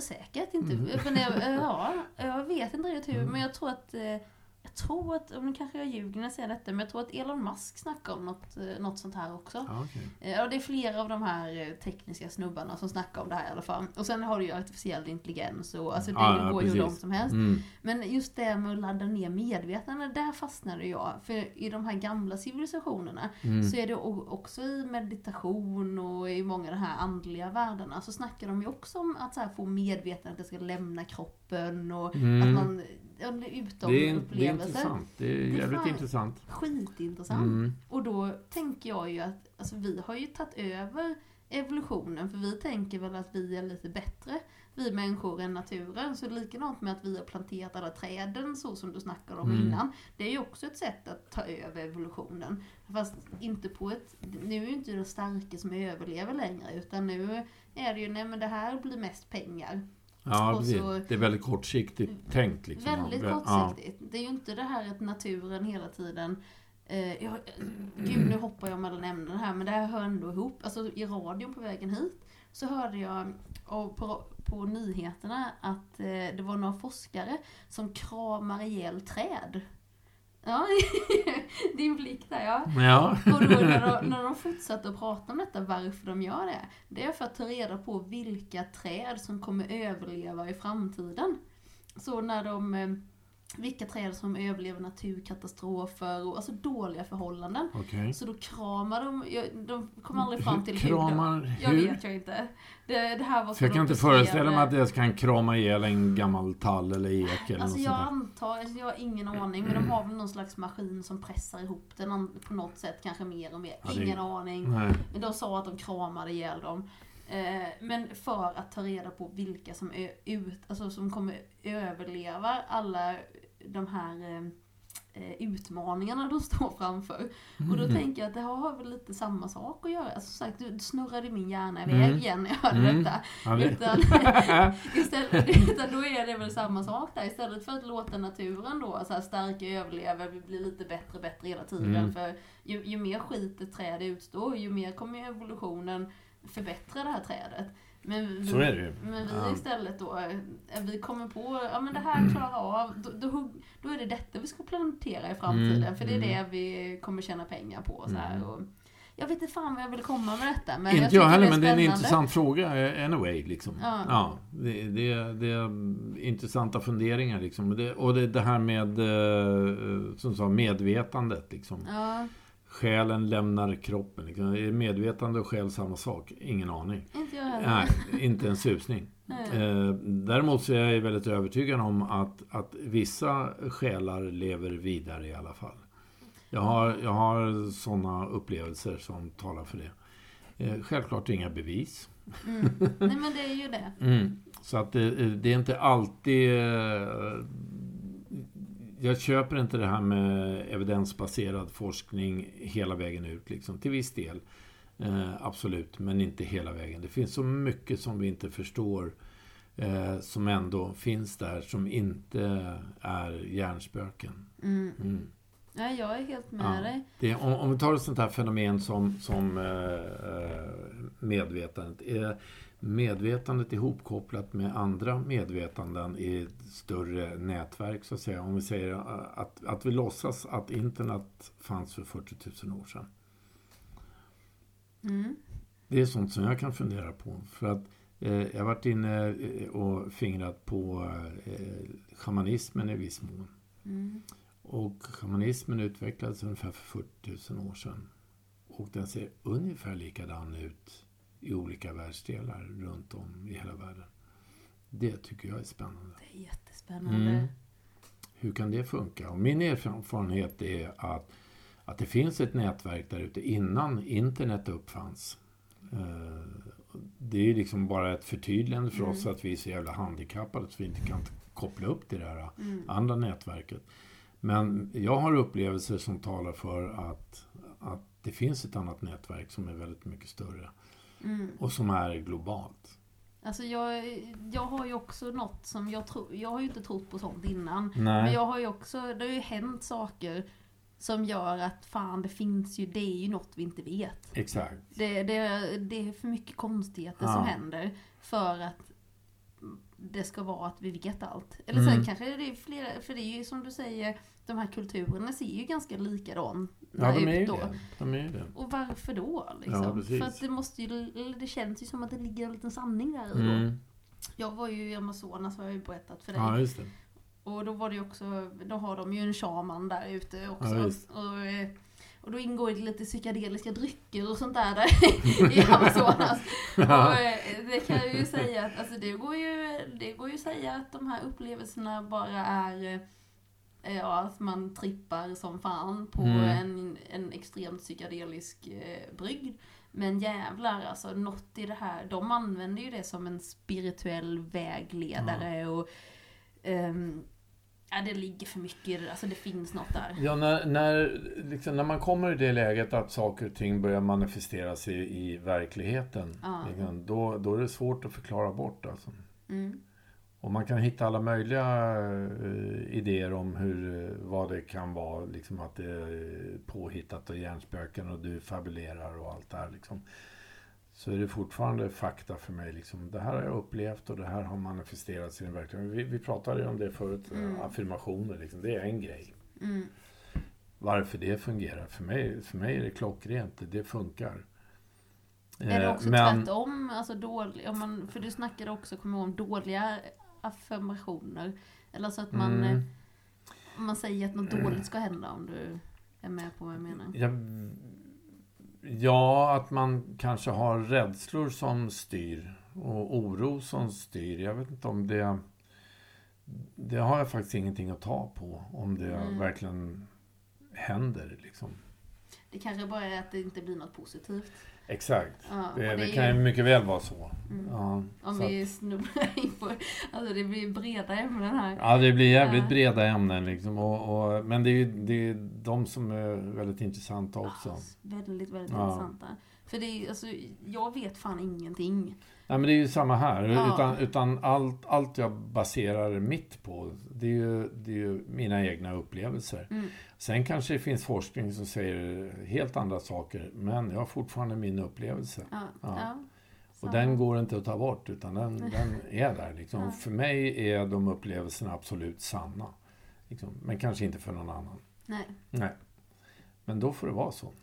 Ja. men det är Ja. jättespännande. Ja, och ifall man inte pratar om det, hur ska man kunna veta ifall det är Mm. sanning eller inte? Ja, Om det aldrig kom, Mm. kom, kom upp till ytan att diskutera. Ja, precis. För jag kan ju i alla fall tycka att Shit, för sånt, jag tycker sånt är så jävla läskigt. Jag är ju ganska modig rent generellt. Mm. Är jag ganska, vad får jag ändå säga, jag är ganska modig så här.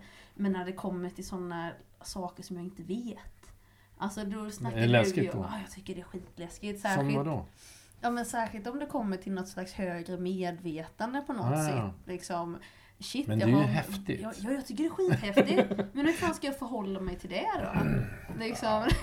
Det, är- det, är bara, det är väl bara att ta in liksom. Ja, men jag tänker, alltså jag ser, du får inte ta det som ett problem, för det är inget problem. Och nu Alltså, vart det det. Nu ska vi problematisera Ja, allting här. För finns det någonting så kommer Mm. det lösa sig så här. Men jag tycker ju ändå saker jag inte vet tycker jag ju ändå. Det är lite något med, det är därför jag är så värdelös på kärlek. För det kan, alltså jag är ju så dålig på det för jag tycker ju det är läskigt. Då Tycker- måste man ju lämna ut sig själv. Ja, Och ja, det är ju ja. skitläskigt. Är det det? Jag klarar ju mig jättebra själv. Jag, Ja, ja, ja, jag är jätteduktig på det själv. Men att dela det med någon annan, Ja. vad läskigt. Ja, men det kan inte räcka med att man, jag vet, jag vet inte, Ja, man kan ju fundera över vad kärlek är för någonting. Och, och Mm. eh, ibland så när jag tittar tillbaka, liksom de relationer man har haft. En del relationer, det har ju varit mer någon sån här beroendeförhållanden. Liksom, att man eh, kanske har törstat efter eh, bara att bli bekräftad. Liksom, Mm. Sådana saker. Och då, då är det väl inte riktigt kärlek. Nej. Kärlek är någonting annat. Liksom. Det är, eh, jag vet inte, eh, omtanke, att, att man vad, tänker på någon på, på ett väldigt kärleksfullt sätt. Eh, man vill den personen väl och så här saker. Mm. Liksom. Ja, Så det, men det är ju också olika nivåer. Liksom. så är det. Och när det är kärleksrelationer, ja, då, då är man ju inne på sexbiten också. Liksom. Ja, det Ja. börjar ju också Och- funka. Ja, och det, det, det kan ju vara kul, men det kan ju också vara grogrunden för, för att då blir det då, då kan det bli... Det är ju det som skiljer tajta vänskapsrelationer liksom, Ja, till, till eh, tajta kärleksrelationer. mm. ja Och då, det. det, är ju något som händer där. Liksom. För att vänner får göra som de vill. Men har man en, en, en, eh, en kärleksrelation, en sexuell relation med någon, ja, då blir det jätteofta att jag ska kontrollera dig, du ska inte göra så här och det ska vara så här. Och det, Mm. liksom, ja, vad gör du nu? Det det, liksom. Ja, det blir svartsjuka, man låser in och binder och, och då, det är så jävla långt ifrån kärlek som man kan komma. Liksom, Mm. så här. Det blir helt jävla fel. Liksom. Om man börjar påpeka de här bristerna, liksom, du klämmer fan inte på mitten av tandkrämstuben. Liksom, så. Jag hatar dig för det. Liksom, så. Det är det värsta ja, ja, ja, liksom. precis. Ja, det blir, det blir sådana absurditeter liksom. Så. Och, och jag vet inte vad det är som händer i, eh, i eh, människors medvetande. Även mitt historiskt sett liksom, så gör det ju det. Liksom. Mm. Att man på något sätt kanske vill äga någon. Och jag, jag, jag- vill inte äga någon. Nej, det är ju ännu värre. Nej, Ja, liksom. Och, och där, där är man inne på sådana här saker. Är liksom oro och ängslan och allt det här. Liksom. Att, bli, att bli ratad, det är väl någonting som väldigt många är livrädda för. Bland annat har jag varit det också. För det, Mm. det ligger i min historik också från barndomen, att bli lämnad. Liksom. Det är något av det Mm. värsta som, som kan hända. Liksom. Men nu känns det som att eh, jag har kommit över väldigt många av de här grejerna. Liksom. Så jag, jag är rätt cool med det mesta. jag, Liksom. Det, så att det jag vill ha är... Jag vill ha väldigt mycket raka puckar. Liksom. Jag Mm. gillar det. Liksom, så att jag kan förhålla mig till det som är. Så Mm. att säga. Och, det, och jag ser nästan som... Eh, det kan låta jättetrist. Jag ser nästan eh, eh, kärleksrelationer. Det är på något sätt så här affärsuppgörelser nästan. Mm. Om man ska hårdra det. Liksom, vad är okej för dig? Vad är okej för mig? Hur dealar vi med det här? Kan vi, kan vi diskutera det här? Ja, kan vi nå, Ja. liksom kan vi... Ja, kan vi hitta en överenskommelse? detta, liksom? Och liksom, Ja. när man har satt en överenskommelse, ja, då jävlar håller man den. Mm. Ja. Så, så funkar jag väldigt mycket. Och håller man inte den, då är det, inte, då är det liksom inte på riktigt. Liksom. Mm. Eh, lite så. Det, Ja men så är det väl i det mesta. För alltså, precis det som du beskrev här är ju ett problem överlag i, i samhället. För vi, alltså, det känns lite så som att vi lever i ett ganska lugnaktigt samhälle ibland. Att det är absolut. lite det som eh, inte premieras men det är det som det är uppbyggt för det är, Mm. ja, man ska inte, är man 100% sig själv så är det väldigt många som inte tror på det. Ja. Att det ja, för det är inte, man, man lyssnar inte på det som sägs utan vad som egentligen menas. Mm, Och ifall man tar in det i, ett, i ett, en tvåsamhet i ett förhållande så här och inte Mm. raka puckar som du säger, då blir det katastrof. det blir katastrof. Och Och det- speciellt om man då håller tyst om vissa områden. För det folk Ja. inte pratar om, det är ju sina egna önskningar. För att, för att det tar Mm. ju väldigt ofta, har jag upplevt, att om jag säger att ja, men det här gillar jag. Hur kan du tänka så? Kan man få något i svårigheter? Ja, men det är så jag tänker. Ja. Liksom, så här. Jag menar, om det är ett problem att uttrycka sina egna önskningar, om det blir ett problem, ja, men hur fan ska man kunna uttrycka någonting alls då? Det, det är liksom... det funkar ju inte i min värld. Mm. Utan man måste ju, det, man måste ha klart för sig att kliver man in i en kärleksrelation så är det ju inte för att man vill den andra parten illa. Eller hur? Nej, det får man ju verkligen hoppas. Ja, det är liksom, det är, ju- det är grunden till allting på något Mm. sätt. Liksom. Ja, annars är det ju något annat. Annars är det något annat, Mm. eller hur? Det, så att det, men det är ju ingen, det är ingen lätt grej det där. Rätt som det är så, så får liksom eh, de, här, eh, vad det nu är, hormoner och allt det där, det, det får ju fart liksom Ja. helt plötsligt. Ja. Och de har ju inte någon logik. Nej, de har ju sitt eget Eh, liv liksom. Känslor har ju inte någon logik, har jag ju upptäckt. Nej, det, det är noll logik Nej, verkligen inte. Det är ju katas- ja. katastrof. Ja, det, ja, men det, det, jag, jag känner dem inte. Nej, inte Liksom, kompis. Nej, nej precis. Och Liksom Ja. helt plötsligt så upptäcker man att någon där inne, nej men hallå, ta, ta det lugnt nu. Ja, men vänta. Ja. Vill du jag hänger inte med. Ja, precis. Vad vill du egentligen? Jag är inte med på vad som händer. ja, så blir allting uppfuckat liksom. Ja. så att det, ja, det är lurigt alltså. ja, men det är, som sagt, livet är spännande. Ja, och komplicerat kan det vara, fast det är ganska enkelt, eh, fast det inte är det. Och, och, Ja. Men du, vet du vad? nej, Eh, nu har slut? vi, nej det är sju minuter så vi kan väl börja runda av. Tänker jag. Oj. Så vi kan käka Hur lite. fan ska vi kunna runda av? Jag vet inte. Jag vet. Men jag vet ju att det här kommer vi göra igen. Ja, det här, det här är skitkul att, Ja. att sitta och surra med dig. Liksom. Det- Det, ja. ja, det är jätteroligt. Alltså, och det är så himla glad att jag Ja. är... Fan att du kom förbi hos farsan där. Som, Ja. Och så, Ja, men jag kände du var en sån här fri själ. Liksom. Detsamma. Sen, ja, Ja, så det var jag tvungen att träffa. Liksom. Detsamma. Ja. Och, Och så, vi kommer ju som sagt, alltså jag vet ju att det här kommer hända igen. Det kommer nästa berget göra. gång. och då har vi ännu mer att berätta. Ja, precis. Prata Och om. Du har gjort mer och jag har gjort mer. Ja, och jag kommer precis. kanske vara lite mer varm i poddkläderna också. Ja, just att det. eh, det blir väl lite bättre och, och, eller jag känner mig ju så avslappnad med dig. Det är ju det som är så Ja. skönt också. det, det. Jag tycker du är en alldeles underbar, fantastisk värld. Ja. Ja, jo, alltså, men du, tack Hasse. Och var, var hittar folk dig? Var, Eh, vad ska vi, ja, jag, jag har ju öppen profil på fejan. Liksom, så. Mm. Hasse Eiker Bergman. Hur stavar man Aiker? A-I... Nu kan, nu kan jag inte själv. A-I-R-I-K-R. Och det är alltså det fornnordiska Erik. Det som har blivit Erik sen. Liksom. Som jag har snott. Jag använder det som eh, lite grann, eh, vad ska man säga, artistnamn när jag fotograferar och när jag spelar i vissa sammanhang.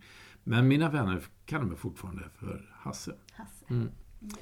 Eh, jag finns på Instagram också. Mm. Eiriker, underline B. Och så finns jag på Youtube. Där har jag en, ja, tre låtar i dagsläget. Mm. Jag håller på att nyinspela en massa. så tre låtar och det heter Eiriker Songs. Och jag kommer, som sagt, jag vet inte exakt var det här kommer ligga någonstans. Men när jag har lagt ut det här så kommer jag länka. Ja, Också. skitbra. Hur svårt kan det Skitbra. vara? Hur jag, svårt kan det jag, vara? jag, jag lovar det nu, fast jag vet inte ens hur det kommer se ut. Men jag, jag lovar på något sätt så borde jag Ja. kunna länka. Jajamän. Ja, Det, det kommer du fixa. ja. Mm. Men då så. Fy fan vad kul. Underbart Kim. Tack. Superhärligt. Så nu Tack. stoppar vi den här. Ja. Tack så mycket människor. Och Hej! Hej! Stopp!